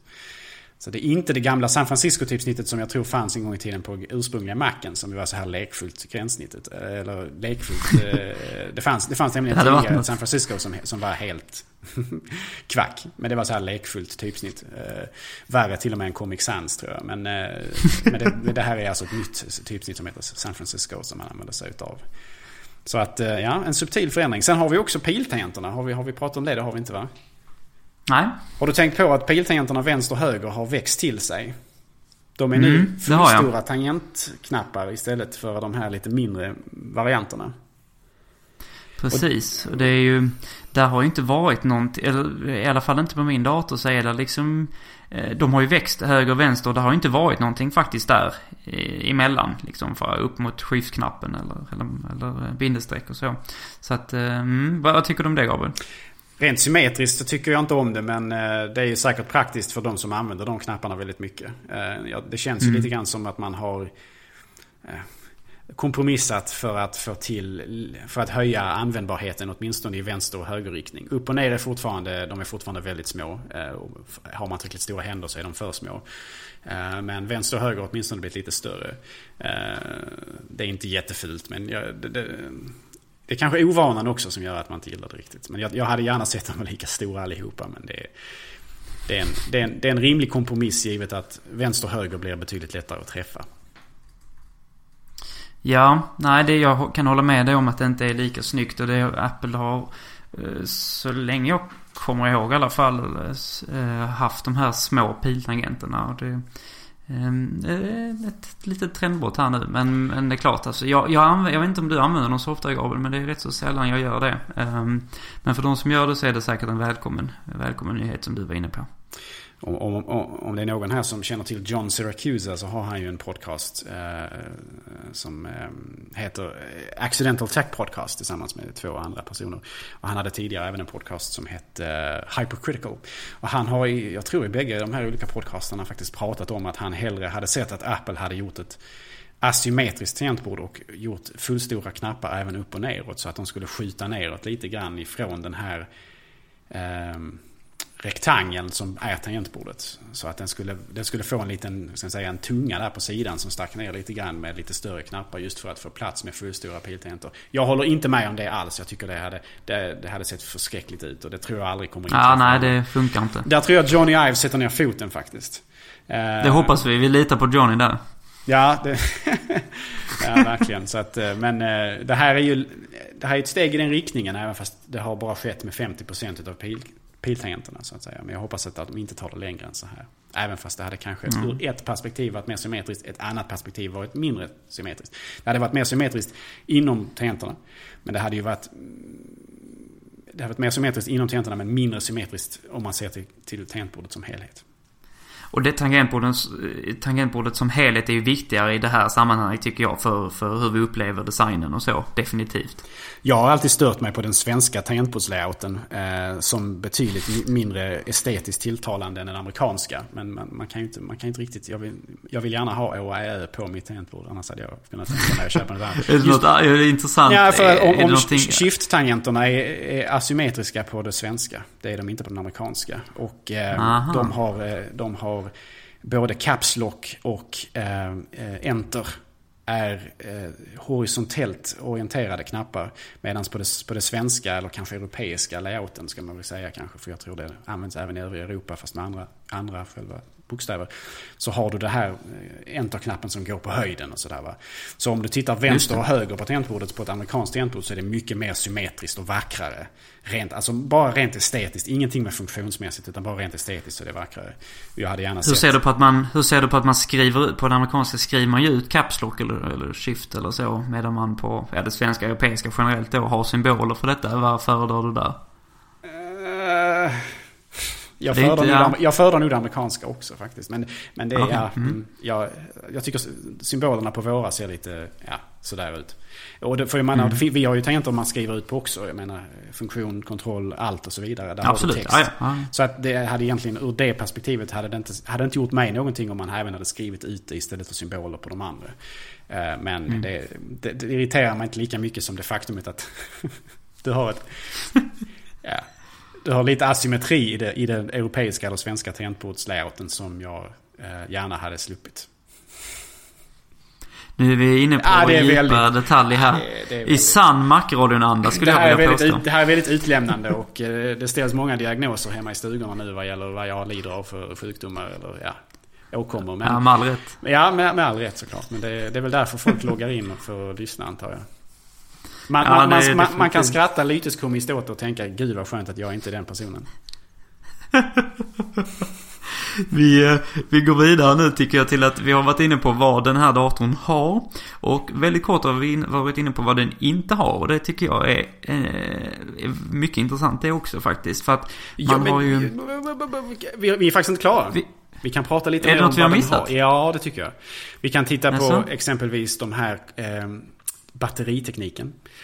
Det är återigen i, i höjd med uh, Research Kit vad jag tycker är viktigast i den här keynoten på många sätt.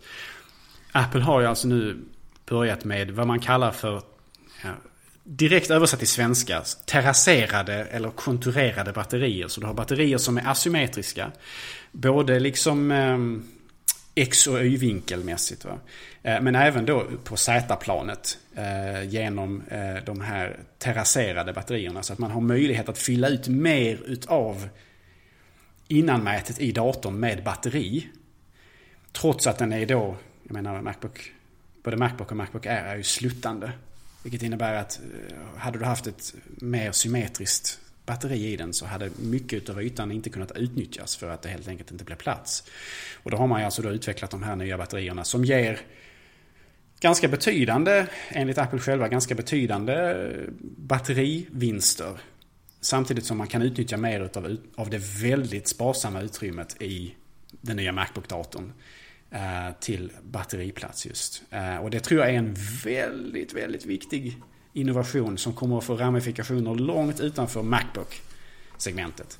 Eh, Apples övriga bärbara iPad, iPhone, iPodarna, eh, även framtida produkter, Apple Watch och så vidare. Det är, jag tror inte den innovationen får gå helt obemärkt förbi för jag tror det är en väldigt stor sådan.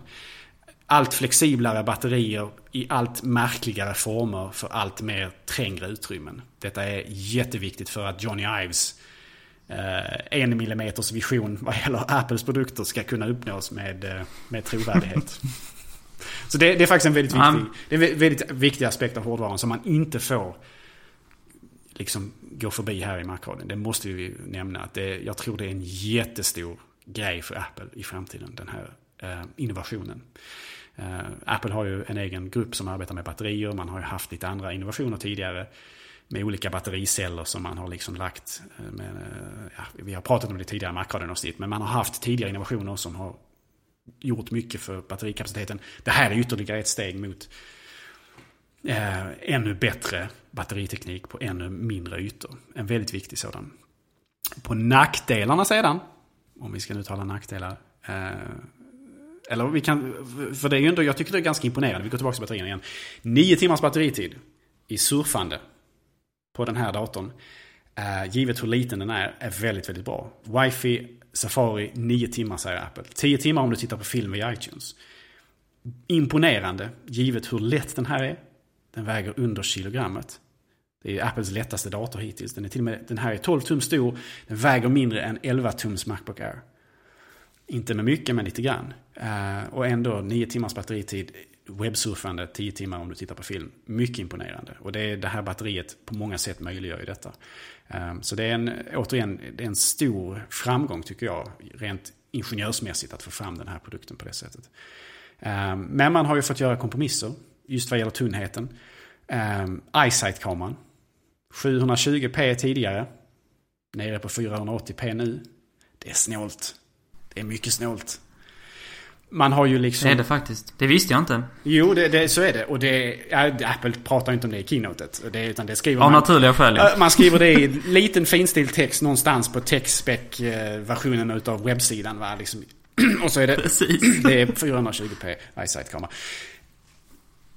Det är ingen vidare. Men det är en kompromiss. Eh, de har ju gjort själva locket och skärmen jättemycket tunnare här nu också. Eh, eh, alltså jättemycket men varje liksom halv millimeter där är jättemycket. Och den är tunnare trots att vi har en Retina-skärm instoppad där. Vilket ju är imponerande i sig. Och återigen, Retina-skärmen kommer ju tillbaka till det här med batteritiden. 9 timmars batteritid med den här datorn och Retina-skärm. Det var nog inte många som hade räknat med det. Eh, just med tanke på eh, hur mycket mer Retina faktiskt drar eh, att, att driva rent prestandamässigt sådär. Och kraftmässigt. Det, det krävs mer av bakgrundsbelysningen för att ha en skarp retinaskärm. med, med, med en ljusstark yta. Så att det, det är en kompromiss man har fått göra. Eh, rent hårdvarumässigt på själva skärmen eller locket och kameran där då. För att få den så mycket tunnare. Eh, en annan kompromiss. Inte kompromiss kanske så egentligen. Men en annan förändring man har gjort är att man har plockat bort det transparenta plastäpplet på baksidan av skärmen. Har du tänkt på det Henrik? Det har jag. Eh, måste säga att eh, jag inser att detta är en nödvändighet. Men det är med sorg i hjärtat som jag noterade det. Och jag förstår också att det kommer att bli så på de andra mackarna. Och det känns tungt, det gör det. Utan någon som helst tvekan. Egentligen så är det egentligen bara att komma i linje med iPad, iPhone och så vidare. Som också har, eller aldrig egentligen haft de här bakgrundsbelysta bak, baklogotyperna. Vilket ju är mer logiskt därför att ja, du håller dem i handen och så vidare. Den syns inte ändå. Va? Ehm, och jag personligen kommer att sakna det bakgrundsbelysta äpplet lite grann. Därför att det möjliggjorde en hel del ganska fascinerande dramatiska bilder. Där man exempelvis kunde ta kort på en presentation. Det finns klassiska bilder på så här, Microsoft-presentationer där de presenterar något nytt. Och så sitter det ett hav av journalister i mörker och skriver på Apple-datorer och så ser man bara Apple-logotyper överallt. Och Microsoft kommer nog vara väldigt glada över att slippa se just den bilden eh, i framtiden. Men, men, det är någonting jag kommer sakna lite grann för det var ju ändå liksom en ganska charmig detalj eh, i Apples laptop-segment. Att man hade den här bakgrundsbelysta eh, det här bakgrundsbelysta äpplet. Det finns ju fortfarande ett äpple nu. Men det, är ju, det ingår ju så att säga i själva aluminiumytan det är bara en putsad, en speciellt putsad, jag tror blankputsad del eller vad man nu ska säga. Precis som på, jag tror iPhone och sådär. Um, så att det är inte riktigt lika det är inte riktigt lika dramatiskt längre, men det är ett mer sub, en mer subtil logotyp och på det sättet kan det kanske vara lite mer estetiskt tilltalande om man gillar minimalism och sådär. Men det innebär ju då att man har kunnat göra den tunnare och framförallt tror jag också det innebär ju att den strukturella rigiditeten i själva locket har förbättrats. För när du ska ändå stoppa in ett så pass, en, en stor öppning i mitten för den här Apple-logotypen eller Apple-logotypen. Då innebär det ju att rigiditeten måste kompromissas så att det blir mindre, eller mer flexibelt, mindre, ska man säga, hållbart. Så att jag tror att det här kommer faktiskt innebära att den, det här, trots att den här kanske är tunnare, eh, den här själva locket, va, så kanske inte man har, att det kanske inte är mer lättskadat för det. Alltså rent om du tänker sig att du kan knäcka det liksom eller böja till det av misstag och sådär. Utan att jag tror att detta innebär att du kommer få ett, kanske inte mer liksom ett hållbarare sådant. För jag, jag tror de har gjort aluminiumet ännu tunnare. Men åtminstone så kommer det nog att kompensera för att det har blivit tunnare aluminium just vad gäller hållbarheten. Så det är återigen en, en, en olycklig kompromiss på sitt sätt. Men samtidigt så jag, jag kan tycka att det ser ganska bra ut den nya logotypen. Med den här liksom annorlunda metallfinishen som man har, som man har där så att säga. Men det är återigen, det är någonting som ja, det... man har tvingats göra för att locket ska vara mindre, skärmen ska få plats på mindre yta. Eyesight-kameran är en, en, en annan aspekt och det är också att den har blivit sämre och sådär. Alltså det är ju på intet sätt eh, fult men eh, det är ju uppenbart ändå att man, man missar ju också en, ett, ett, ett, eh, vad ska man säga, ett väldigt effektivt sätt att signalera varumärket. Alltså vi har ju sett otaliga serier och filmer och så där man har de här lysande äpplena lite varstans liksom. Och det är ju någonting jag kommer, kommer sakna på något sätt. Det, det känns li, lite, jag förstår att det är den rätta utvecklingen men, men det känns också vemodigt. Ja, rent nostalgiskt kommer man sakna det. Men det, äpplet är ju där fortfarande. Det är bara det att det inte är lika uppenbart längre. Eh, men jag, mm. jag, tycker att det, jag, tycker det, jag tycker att det är en rimlig kompromiss givet de många fördelar som det har inneburit rent utvecklingsmässigt så att säga. Just Apple-logotypen på baksidan av, av skärmen eller på, på locket till Apples laptops har ju liksom haft en viss resa som det har gjort. För att eh, det, var ju inte, det var ju inte så länge sedan. nu är jag ju gammal när jag säger så för att det var ju länge sedan för de flesta. Om du tittar på exempelvis Apples eh, tidiga Powerbook-laptops, Powerbook G3 och så vidare. Eh, som vi hade på, släpptes kanske 2000, 2001 sådär. Um, eller kanske till och med 99 någonstans. 99, 2000, något, sånt, något i den stilen. Då hade, ju, då hade de ju äpplet vänt på andra hållet. Så att när du mm. stängde locket på maskinen så var äpplet rättvänt för dig som användare. Men om du hade maskinen öppen och igång så var det upplysta äpplet upp och nervänt för alla som satt och tittade på din dator bakifrån så att säga. Eller från eh, på datorn bakifrån. Eh, och det var ju en, det var ju en, en förändring man gjorde som ju på något sätt skiftade lite grann, symboliskt mer än något kanske, fokus från dig som användare, att äpplet var rättvänt för dig när locket var stängt, till att mer lägga vikten vid andra som åskådare när de såg dig använda datorn och att logotypen var rättvänd för dem. Så det är en intressant eh, fokus, fokusförändring som man gjorde där. Eh, jag tror det gjordes väl med övergången till jag tror, tror till och med att det var så faktiskt på de tidiga aluminium, eller inte, förlåt, titanium eh, powerbook-modellerna. Alltså de tidiga powerbook G4 hade nog även logotypen på fel håll. Så jag tror det var i och med...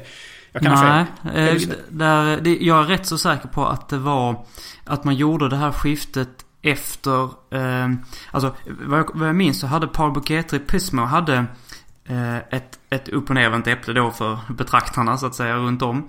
Eh, men det var lysande. Eh, T-booken eh, på, på Book E4, eh, den fick, där vände man eh, äpplet på rätt håll då för, för, för de som betraktade den från, från eh, från inte, inte från användarperspektivet. Du har helt rätt. Jag har, jag, googlat. Jag, tror att... jag har googlat, du har helt uh -huh. rätt. Mm. Ja. Äpplet var rättvänt för, för åskådarna redan på ja. Powerbook, eh, den tidiga G4. Alltså Titanium Powerbook-modellerna. Eh, och har varit så sedan dess. Eh, vilket jag tycker är bättre. För det, det ser bättre ut när du har datorn i användning. Medan det ser kanske bara lite sämre ut när man stänger locket och tittar på en upp och nervänd logotyp som själv. Men det är en intressant förändring som man gjorde. Och nu har vi då sett ytterligare en förändring där man går ifrån bakgrundsbelysta det bakgrundsbelysta äpplet till det mer solida metalläpplet. Som fortfarande ser väldigt bra ut men som kanske inte är lika påträngande för, om, för omvärlden, omgivningen. Nej, det, tyvärr är det så. Det är nog många som suttit på kaféer och liknande och retat sig på det äpplet. Att det, där, där borta sitter någon som tror, han har, som tror han har pengar och därmed status. oj, oj, oj, Gabriel. Du har ju redan varit inne här kan man säga på saker eller funktioner eller attribut som den här datorn inte har. Eh, är, är det någonting du vill beröra, så att jag inte går händelserna i förväg här igen, eh, som den har? Eller ska vi fortsätta prata om det som, som den inte har? Kör på. Kör på. Ja, det börjar bli, klockan börjar bli mycket. Vi har inte ens kommit till uh, Apple Watch ännu. Nej, jag undrar om det får bli ett, eh, ett, ett eh, avsnitt 151 eh, istället med champagnen där. Vi får se. Ja, det är faktiskt, ingen, det är faktiskt ingen dum idé alls. Kanske till och med recensionsexemplar som, som Esse fixar fram. Som han har gråzonat in. Det hade varit eh, ännu trevligare. hade inte det varit någonting? Som ett, det hade varit jättebra. Som ett premium för oss eh, lojala Macradion-röster. Visst. Det är en subtil hint i herr Esse. Om han fortfarande lyssnar på Macradion, jag vet inte. Det tvivlar, det tvivlar jag på.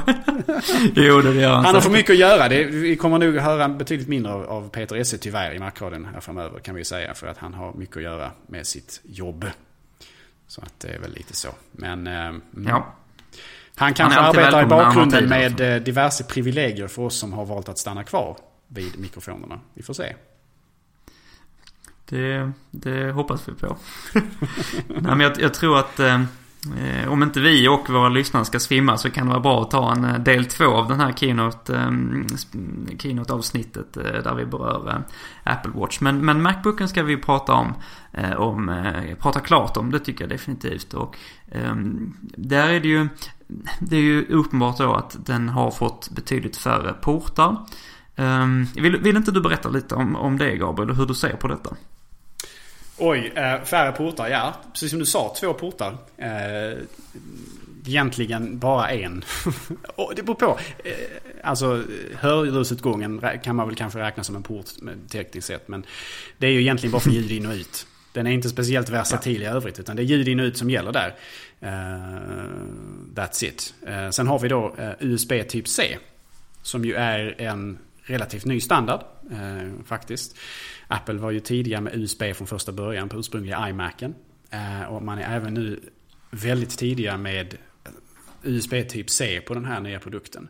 Ehm, vilket är en ganska så spännande utveckling faktiskt. För att USB typ C inte bara har den väldigt höga överföringshastigheten hos USB 3.1 som det är en variant av. Utan den har även då väldigt mycket större möjligheter att både ladda produkten. Så att Apple väljer att ladda den här nya datorn via USB typ C.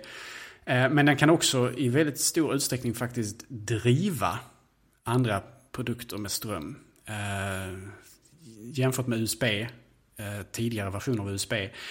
Som har kunnat driva typ tangentbord och möss och sådär som, som behöver nästan ingenting alls. Men den här har då en betydligt större kapacitet vad gäller just att driva externa eh, eh, tillbehör och sådär.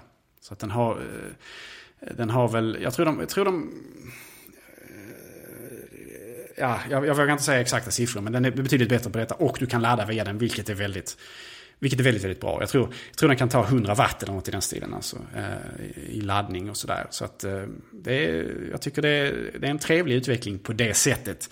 Samtidigt som en liten saknad kommer ju alltid gå ut till eh, vår älskade eh, MagSafe. Som ju tyvärr då har hamnat på hälleberget i och med denna produkten. det, det är många saker som vi har hållit väldigt kära med våra mackar som försvinner med den här eh, lanseringen på något vis. Alltså det är ju någonting som jag i min roll som säljare alltid har tryckt på den här magnetiska kontakten som, som vi har när vi laddar våra nuvarande mackar. Som bara Sedan plopp. så får man ju också... Som bara plopp. Det är liksom, det, det, det är klockrent. Det är ja. otroligt. Det är otroligt. Ja. Det är så enkelt och eh, genialiskt. Det är fantastiskt på alla sätt tycker jag.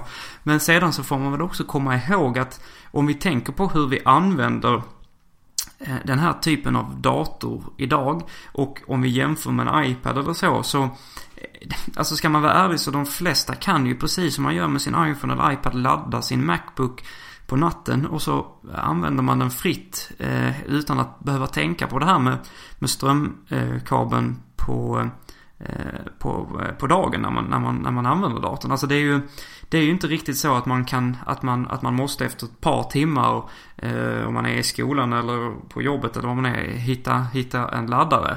Utan den här kan man ju faktiskt eh, köra hela dagen och då blir ju den här magnetiska funktionen blir ju inte lika viktig om inte det är någonting som som, ehm, som, som liksom behöver sättas, sättas dit ofta och eh, man använder, även om man sitter liksom i soffan eller så, så är det många som använder MagSafe-laddaren och då är det alldeles utmärkt att ha den också därför att sitter man i soffan eller på något annat olämpligt ställe med datorn då, då, då är det ju uppenbart att, att eh, det är vettigt med den här magnetiska kontakten så att man inte drar, ner, drar, ner sig, drar med sig datorn ner och man snubblar på sladdar och grejer liksom. Men nu så med de batteritiderna vi har, jag menar eh, vi är ju uppe i, ja, i 12 timmar på Macbook Air om jag inte minns fel och vi eh, nästan lika mycket på den här nya Macbooken och det då är inte den här funktionen eh, lika betydelsefull. Även om det känns lite sorgligt ändå att den, att den är borta. Precis Henrik, det där är partilinjen 100% och jag gillar det, du har helt rätt. Det är inte tanken att man ska använda den här datorn med laddsladden i längre. Precis som man inte använder iPad med laddsladden i om inte man gör fel. Och iPhone och så vidare. Utan det är tanken att du laddar den över natten, använder den över dagen. Ingen, ingen strömförsörjning ska behövas under dina vakna timmar på dygnet. Så att det, det här är ju på många sätt egentligen närmare sig iPad på det sättet. Eh, och även fast jag kommer att sakna Eh, MagSafe på sitt sätt, det var en, en väldigt fin säljande punkt. Eh, så återstår ju ändå det faktumet att förmodligen kommer vi inte behöva ladda den på samma sätt längre. De har ju så pass mycket batteritid vid det här laget, de här datorerna. Så att jag är övertygad om att MagSafe kommer att försvinna på de andra produkterna också vad det lider. Ersatta helt och hållet utav USB-C. Kanske, kanske fler till antalet på de lite större eh, Pro-modellerna, kan vi hoppas. Men eh, de kommer definitivt att vara förmodligen den enda porten vi ser här inom en inte alltför avlägsen framtid. Kanske inte nästa generation, jag vet inte, men Thunderbolt, USB, den vanligaste kontakten, SD-kortläsaren. Ja, de är på väg bort alltså. SD-kortläsaren kommer jag inte sakna för fem öre. Jag förstår inte varför vi har kvar dem ännu på iMacen, ännu mindre. Med tanke på den, den fruktansvärda placeringen av den. Om inget annat. Plus att, plus att den är Ja, det, det, är, det är definitivt inte snyggt. Men det jag tänker på här när vi, när vi berör det här med, med, med portarna. Det är ju... Um, alltså, vi, är det inte så att de här adapterna som Apple säljer vid sidan av, av Macbooken där man kan eh, då få möjlighet att koppla in eh, vanliga USB-tillbehör, eh, andra skärmar och liknande. Då har vi inte möjlighet att koppla in Thunderbolt-tillbehör. Om jag har förstått det hela rätt Gabriel. Nej, så, så, så uppfattar jag det också. Ja. Så att Apple håller väl på Och det, det är ju någonting som är intressant här därför att jag menar då, då är det ju ingen, ingen skärm i alla fall som Apple säljer numera vad jag vet. Jag vet inte om man kanske fortfarande säljer mini-display-portskärmen vid sidan av Thunderbolt-skärmen. Det är möjligt men, men eh, eh, det är ju inte möjligt att, att, eh, att koppla in en Thunderbolt-skärm eh, hur som helst. Och kommer, då är det också frågan, Apple har ju satsat på Thunderbolt 2 också. Man, i, i, ja, man har väl det i alla andra produkterna nu tror jag. Eh, och då, det känns ju som att detta är på väg bort. Ja, de är för stora. Kanske inte ja. nästa generation men mycket snart så kommer Apple att vilja plocka bort de, de, dessa, dessa pluggar helt. Eh, jag tror... Det har ju aldrig blivit en riktig succé den här porten får man väl säga. Det är, Eh, jag tror att de flesta inte använder Thunderbolt-tillbehör särskilt ofta. De har aldrig kommit ner i ett pris som är sådär jätteattraktivt. Och eh, det är, det är klart att det finns en hel del Thunderbolt-tillbehör. Men det är väl inte, det, det finns ingen uppsjö av dem så att säga. Så att eh, jag tycker väl inte, det har inte, jag tror inte att det har blivit någon riktig succé med de här med, med den porten och den tekniken. Och det ska bli intressant att se också hur man gör med, med, med skärm och sådant i framtiden här nu. Vad man kommer att använda för typ av av eh, teknik. Så är det onekligen. Det är, eh, ja den har ju den här eh, adaptern har väl i varje fall HDMI och USB. Som man kan köra in i den va? Jag minns inte det om finns den har även adaptorer. Jag tror, jag tror att den har... Um, det finns olika adaptrar. sagt att den har... Det finns olika adaptrar. Okay. Det, finns, det finns de som har HDMI, det finns de som har VGA. Jag tror DVI också. T eh, är det så? Är det inte, jag trodde att det bara var en enda stor adapter. Antingen så var det den här för, endast för USB eller så var det en stor adapter där man hade minidisplay-porten och lite annat. Men det kan vara att jag har fel där. Mm. Jag har uppfattat det som att det finns olika. Jag ska titta på apple.com. Ja. Eh, så kan du prata vidare. Mm. Känner ingen press, Henrik. ja men du var inne i ett flyt där, eh, fortsätt. Va, va, ja, va, det låter intressant. Vad, pratade du om? Ja, det, det, vet jag inte. Men jag minns flödet. Du kan ju prata, om, du kan ju prata om att du har nya färger. Du kan få ja, dem i guld nu kan... Henrik. Det vet jag att du alltid har väntat, hoppats på. Ja, man ska inte svära i radio. Men det är väl inte... Jag kan säga, det är, inte, det är inte den färgen jag hade valt om jag hade haft 15 eh, 000 att slänga iväg på någonting. Um, men, uh, och jag... Ja, jag förundras lite över att folk väljer de, de guldiga produkterna. Men det gör många uppenbarligen. Och uh, man kan väl säga så att jag får tvingas att ha respekt för detta. Och Um, Eller acceptera åtminstone respekt. Vet, är lite att ta i alltså. Ja, det kanske Respe inte. Men respekt jag, jag vet jag inte. Alltså. Det, det, det, det kan bli en sån här fängelseincident. Alltså, liksom, där man eh, går fram och blir hotfull mot människor som sitter med... Nej, jag bara skämtar. Men det måste ju betyda att, att uh, guldversionen av iPod säljer ganska bra och iPad också. Får man anta. Äh, iPhone och iPad, förlåt. Uh, annars ja, hade nog inte det, det är sant. fått dem. Så att, uh, ja, det skrämmer mig. Det. Men åtminstone vi fick rymdgrå också. Och det är ju välkommet för den kan jag mycket väl jag tänka mig i en framtid. Eh, kanske i pro-segmentet pro snarare då men eh, återigen. Det tycker jag verkar vara en väldigt trevlig eh, färg att välja så att säga. Den ser ju bra ut på iPhone och iPad. Det är, det är ju lite, det är ju väl inte helt fel att, att eh, vi även på en sån här eh, produkt får möjlighet att välja, välja nyans. Det, det tycker jag är, är trevligt. Och det är ju ett, eh, ett, ett, ett Eh, ger lite referenser till långt tillbaka där man har kunnat välja färg på bärbara datorer och så. Men, eh, så det är jag inte emot. Men, men eh, ja, sen är det ju en färg man inte ska välja. Men vi behöver inte säga mer än så. Du behöver inte säga mer än så. Jag tittar på Apples hemsida här nu. Det finns en USB-C till USB-adapter, 19 dollar, som hittat. Eller USB-C Digital AV Multiport Adapter. Då har du, eh, har du HDMI. Eh, och USB och sen så kan du då även ladda, sätta in USB-laddsladden. USB-C sladden för att ladda. Så att du kan ladda samtidigt som du använder. Och sen så finns det då en, även en VGA Multiport Adapter. Så det är alltså VGA. Du har alltså USB ut, USB in för laddning och en VGA. Så kanske inte någon DVI trodde jag det fanns, men det finns det kanske inte. Alltså. Och det är separata produkter man köper då. Eh, vilket är nog tur för den här VGA Multiport Adaptern ligger på 79 dollar. Eh, och det är ju definitivt inte som hittat, men det, fördelen här är väl kanske att du kommer att kunna köpa tredjeparts eh, tillverkade donglar inom en snar framtid. För att det här är ju trots allt öppna standarder som Apple använder sig av helt och fullt, även för laddningen. Så det, därmed så kommer inte de behöva licensiera teknik från Apple och därmed så kan de ju förmodligen eh, släppa billigare produkter än Apple gör också. Och fulare. Otvivelaktigt blir det så. Det finns ju, men, det finns men ju, hur... rent estetiskt så kanske inte de här eh, Apple-adaptrarna är så jättesnygga heller. Men eh, det är nog betydligt bättre än vad alternativen hade varit på många sätt. De är åtminstone stilrena i all sin mm. storhet. Mm. För de är ganska stora, ser det ut som. Ja, de, de är rätt rejäla faktiskt har man sett på, eh, på bilderna. Men, men hur ser du då på... På något sätt är det tidsspår här, men tror du att man kommer... Tror du att man kommer sluta göra egna egna skärmar eller kommer man ha kvar Thunderbolt-skärmen tills att den på något sätt dör ut liksom om man tar bort det på, på det sista eh, datum man tar bort um, Thunderbolt på lär väl vara Mac Pro då liksom för att det, det, finns väl fortfarande en, en vits där på något vis. Men ehm, eh, det är lite intressant att, att, just att man inte kan koppla in Apples, Apples eh, flaggskeppsskärm eh, till, eh, till den här datorn. Men sen ska man också komma ihåg att deras skärm har man ju inte uppdaterat på för våldsamt länge den är tjock och den är ja, allmänt märkligt att man inte gör någonting med det. Och det kanske vittnar om att man inte är så intresserad längre. Jag vet faktiskt inte. Intresset från Apples sida att uppdatera skärm, skärmtekniken har ju varit sval minst sagt. Deras, deras Cinema Display-skärmar, de senare, även de, de, de nyaste modellerna och då det nya inom citationstecken.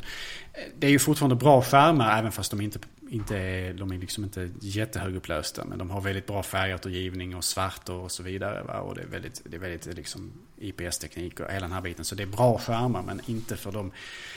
Inte för priset. Alltså de kostar för mycket eh, och du betalar väldigt mycket för designen där. Tyvärr. tyvärr. De, är ju, de agerar lite så här hubb och så om du har Apple-produkter i övrigt också. Så att de kan vara lite trevliga vad gäller liksom kan, du kan få USB ut och sådana här saker. Eh, så att, och, och rent estetiskt så är det ju trevligt att kunna kombinera en Mac Pro eller en Mac Mini med en Apple-dator också. Eh, om man nu är galen så att säga. Eh, men, eh, eller har mer pengar än förstånd. Jag, jag, vet inte vilket. Men tyvärr så är Spåkulan är oklar men eh, skeptisk till nya skärmar. Jag, jag hoppas på nya skärmar. Jag, jag, vet inte om vi får det. det. De har ju definitivt... Det är ju vansinnigt som det ser ut nu att en, att en skärm är betydligt tjockare än en, eh, än en iMac liksom. Så att det är ju... Det behövs ju göras någonting drastiskt där känner man. Än en iMac med en bättre skärm i sig. Men vi tittar på ja, precis. iMac Retina som är... alltså det är, den är ju den är betydligt eh, liksom mindre sett till volym än vad en Cinema Display 27 tum är. Trots att den är, den är rent skärmmässigt bättre på alla sätt. Jag hoppas dock verkligen på att Apple tar sig i kragen med skärm, på skärmfronten. Det kan vara så att de väntar på 5, eh, 5K-teknik eh, eh, på ett rimligt sätt att implementera det i skärmar. Jag tror inte man kommer att släppa fler standard upplösning på skärmarna nu för tiden. Utan ska, ska Apple ge sig in i, i, med nya skärmar så är det nog högupplösta sådana som gäller. Och då är det väl nog 5K snarare än 4K givet att det är det som sitter i iMac. Eh, retina så att säga som gäller. För det, ja. Jag tror inte man släpper, jag kan inte tänka mig att Apple släpper en 4K-skärm i 24 tum.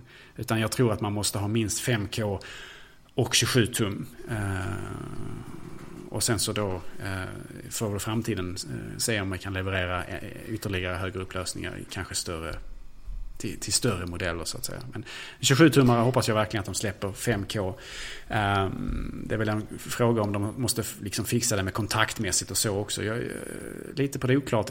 USB-C, klarar den 5K i överföring? Inte en aning alls. 4K vet det jag. Som är... Men US... okay. Frågan är det, om, det, om USB-C klarar det. För att jag vet att Thunderbolt gör det inte. Prata vidare höll jag säga. Jag kollar här nu. Vad jag förstår så ska USB typ C klara av 5K-skärmar också. Okej. Okay. Alltså rent, ja, rent data, data. Um, vilket borde innebära att här har du öppningen för Apple att faktiskt släppa en ny Cinema Display. Eller vad de nu kommer att kalla den. 27 tum, 5K, hela den biten. Om, om de väntar på då, någonting och inte bara väntar på att kunna fasa ut produktlinjen helt. Så är det detta de väntar på och då är det väl...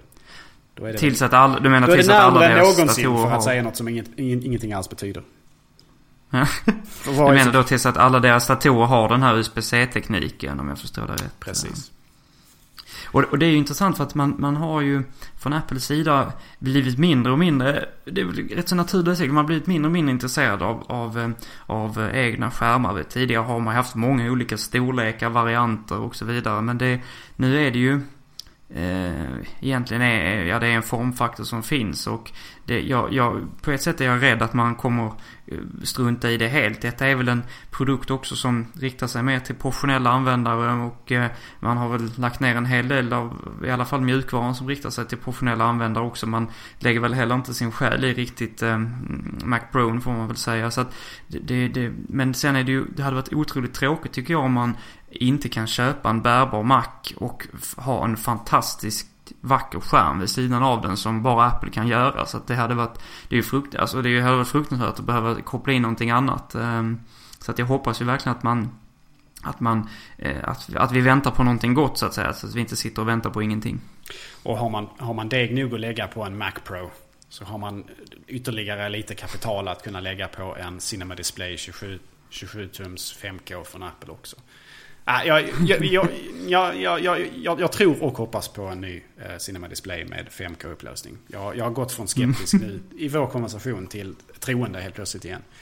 Men eh, det gläder mig. apatin från Apple har varit stor väldigt länge. Så att, eh, ja. Är det någonting annat som du vill beröra angående, angående Macbooken specifikt och den hårdvaran vi fick se? Visst är den sexig Henrik? den är... Den är fantastisk på alla sätt. Det är, det är uppenbart.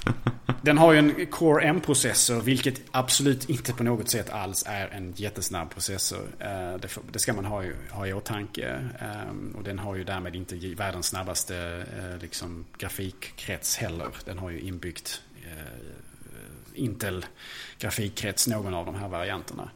Um, så det är ingen fantastisk prestandamonster till dator utan det är liksom en, lite av en iPad Pro eh, prestandamässigt. Eh, och eh, det kommer att vara en kompromiss eh, i ett antal år framöver säkert vad gäller prestandan.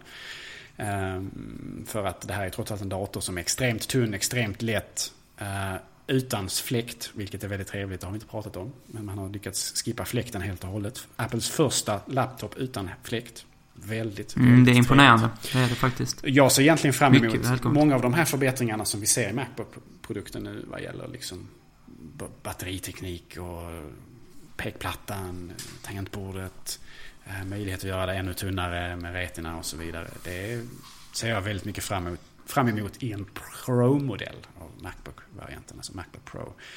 Eh, den, när den väl uppdaterar designen där med kanske fler färger, men framförallt kanske en nyare formfaktor.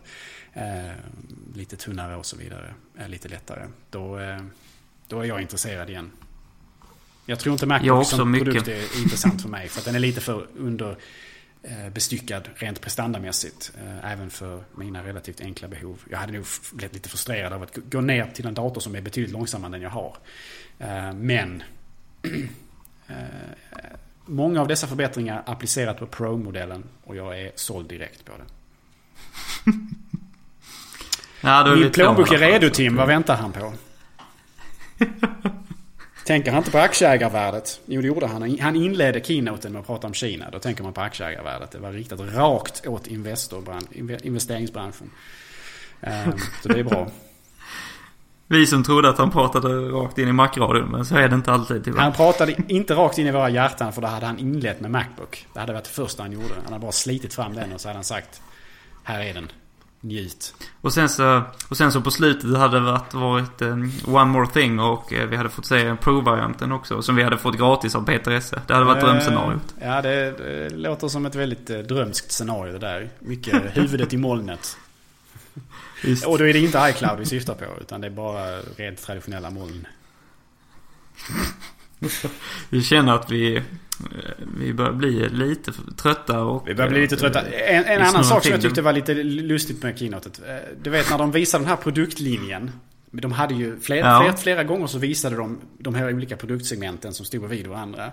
Uh, Apple Watch, uh, iPhone, iPad, Macbook Pro och sen iMac. Att man initiellt visade som man gjorde, det, det, det, det förvånar mig inte alls. För de gjorde det en gång innan de, de visade den bilden en gång innan Macbook. Datorn. Men sen så i avslutande bilden så hade man även denna framme. Och det tyckte jag var lite lustigt att man fortfarande hade kvar Pro-modellen som liksom den som man visade upp. Precis som om, liksom, för att den bilden hade varit ännu mer dramatisk om man hade haft Macbook, Macbook-modellen som man precis presenterat där, tror jag. För att man har iMacen där som är väldigt tunn. Man har Macbook Pro som är tunn men hmm, det är långt ifrån den tunnaste datorn Apple gör. Eh, och sen hade man ju då de här övriga segmenten. Jag, jag tror att det förvånar mig lite grann att de inte klämde in Macbook-datorn på den sista slutliga bilden där också över den här Apples produktsegment. Det här är vad vi står för, typ sådär. Ja, inte minst för att det sätter ramarna för framtiden och ger oss en hint om hur den kommer se ut så att säga. Kanske hade iMac sett alldeles för tjock och kraftig ut i jämförelse. Kanske hade de andra produkterna sett skamset eh, svulstiga ut i jämförelse. Kanske är det så, jag vet inte. Men det var lustigt att man valde liksom Pro-modellen. Men samtidigt, för hade man inte presenterat Macbooken som på något sätt kommer att ersätta Air så kanske man hade haft Air där istället. Men nu valde man Pro då istället. Som ju på många sätt, ja. det är inte den konsumentinriktade laptopen Apple säljer. Apple Watch är konsumentinriktad. Uh, iPhone, iPad på många sätt är konsumentinriktade. iMac är också på många sätt konsumentinriktad. Och så väljer man Pro-datorn som är den tjockaste av datorerna man säljer. Lite, lite märkligt. Uh, och man har inte med Mac Pro som ju är av uppenbara skäl. Och ja. inte iMac, äh, Mac Mini heller. Stackars lilla Mac Mini. Ja, den får inte mycket kärlek. Det är ju det är så. Mm. Och ingen Apple TV heller. Nej, det är sant. Så det var mycket som fattades på den bilden. Jag hade gärna sett Macbook istället för Macbook Pro där. Det hade varit en schysstare bild. Men det är en extremt liten eh, ovidkommande detalj. Så är det. Ska jag, vi runda av Henrik? Det ska vi. Jag tycker vi ska prata om en, eh, en kort sak till som går relaterat till Macbooken eh, innan vi avslutar. Så får vi ta vid där vi avslutar vid nästa avsnitt istället och, och beröra mm. eh, Apple Watch. Men eh, det som var uppenbart här också eh, för oss, eh, för oss svenska Apple-användare det var ju att vi såg en ganska kraftig prishöjning. Och detta är ju egentligen en valutajustering. Vi har ju sett att att eh, dollarn har stärkts egentligen gentemot de flesta europeiska valutorna under de senaste eh, månaderna. Eh, eller under ganska lång tid. Och då eh, så syntes det ordentligt i, eh, i prisbilden på, på svensk Apple Store i alla fall. Och det var många som läst under lite på, på internet här och det är många som har varit lite, lite förargade och besvikna för det. Men, men det är ju så som Apple brukar göra. De justerar, när man släpper nya produkter så justerar man eh, också ofta, eh, vad ska man säga, efter, efter hur växlingskursen har utvecklat sig. Sen man, man tar höjd också för framtida väx, växlingskurser lite grann. Ja, och, så är det. Jag tror man projicerar lite grann vad man vad tror. Vad man, jag tror man projicerar vad man tror växlingskursen kommer att fluktuera mellan. Man gör en, en, en, best, en, en best guess och sen så kör man på det liksom. Så att man, man tar höjd för det också. Dock är det eh, uppenbart då att om man eh, som vi då har, man har ju följt detta av naturliga skäl under många år så har ju Apple har ju inte varit konsekventa här. Ibland, eh, ibland så har man ju Eh, man har, man har skiftat eh, i växlingskurser även om, eh, även om den, den, den riktiga kursen så att säga inte har skiftat så mycket så har Apple skiftat eh, ordentligt och man Eh, nu till exempel är det intressant därför att man har ändrat priserna även på produkter som man inte har uppdaterat så har man ändrat, eh, ändrat priserna. Till exempel en iPhone har gått från ett pris på knappt 6300 kronor till 7300 kronor. Detta är en, en kraftig prisökning medan man har samma priser till exempel på iMac och iPad fortfarande som man hade tidigare. Så att jag vet inte riktigt hur det fungerar och varför det är vissa, vissa produkter som man väljer att, att höja priserna på och inte andra. Eh, och då menar jag då att då är det inte alltid kopplat till att man lanserar nya produkter så att säga.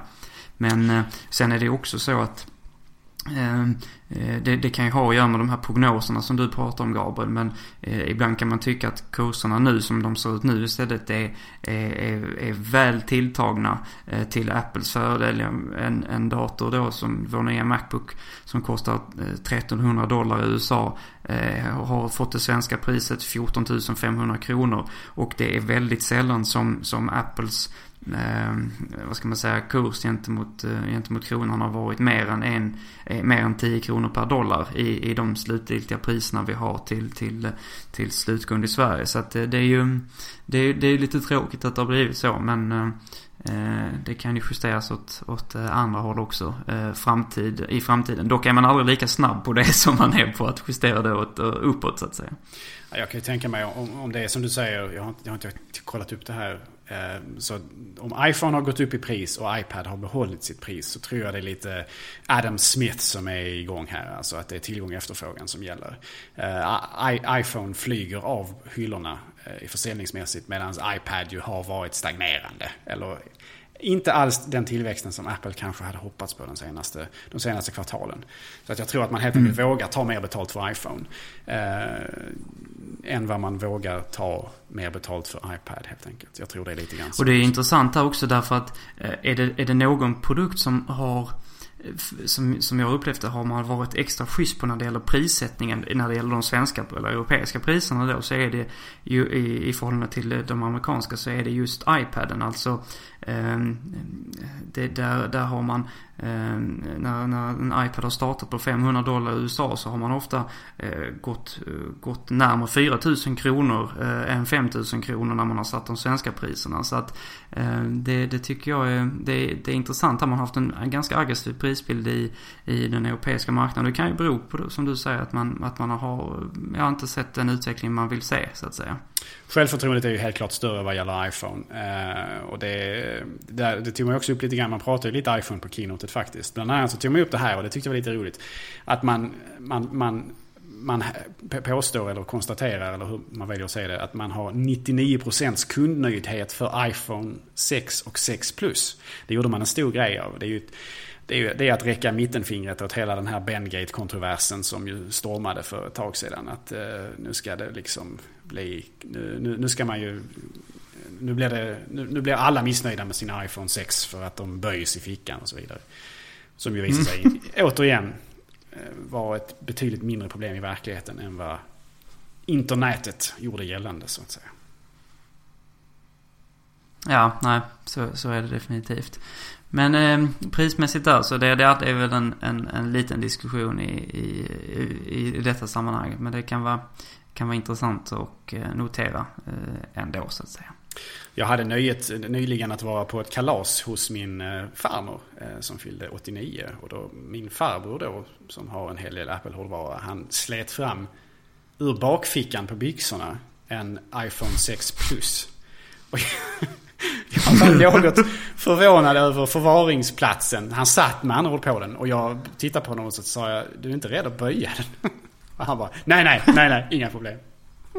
Och han hade liksom, han hade, jag tror han hade typ Apples eh, det här läderfodralet på den. Men jag menar det ger ju inte mycket för att förstärka Eh, det är inte alla som är oroliga med andra ord över, över detta. Det är inte alla som är oroliga över detta nej. Och det är uppenbarligen inget problem. Inte ens om man har iPhone 6 Plus och sitter på den är det ett problem. Eh, tydligen. Och det är inget Men, vi rekommenderar. Det är ingen, jag, ingen sak jag rekommenderar. Jag rekommenderar definitivt. Det finns ju de som till och med rekommenderar att man ska ha i fickan alls. Men det tycker jag är det jag tar det för, för långt. Alltså även framfickorna på byxorna. Eh, att man ska ha speciella liksom bärfodral och sådär. Men det är ju helt absurt. Men bakfickan är inget jag rekommenderar. Men min farbror gör det. Han är lite av en Då, uh, daredevil. det är kul att vi, vi avslutar Macradion här med en icke-rekommendation istället för en rekommendation som vi har gjort i vissa andra sammanhang. ja, precis. En, eh, en, en, en, en anekdot ur det riktiga livet. Så går det till, mina vänner. I den riktiga världen, ja. I den riktiga, mm. riktiga Det är hårt. Ja, det, det är hårt. Framförallt för 6 plussen. Ja, nej, nu börjar det bli, bli, bli snurrigt i huvudet där. Men vi, vi måste ju eh, passa på att, att tacka våra kära lyssnare. Vi hoppas att vi har er kvar. Eh, detta var möjligtvis ett litet ehm, eh, ringrostigt renässansavsnitt men eh, vi har gjort vårt bästa efter förutsättningarna och eh, vill gärna ha kommentarer också på hur ni, hur ni tycker att det kan bli bättre men också såklart vad som var bra. Om ni uppskattade eh, återkomsten. Eh, och ehm, självklart vill jag även tacka dig Gabriel. Och jag tackar dig Henrik. och vi tackar bägge två mycket. Peter Esse. Ja, det måste vi göra. För att han finns. Det är klart. Och för att champagnen kommer till avsnitt 151. Får man anta. Tack så mycket. På återseende. Hej.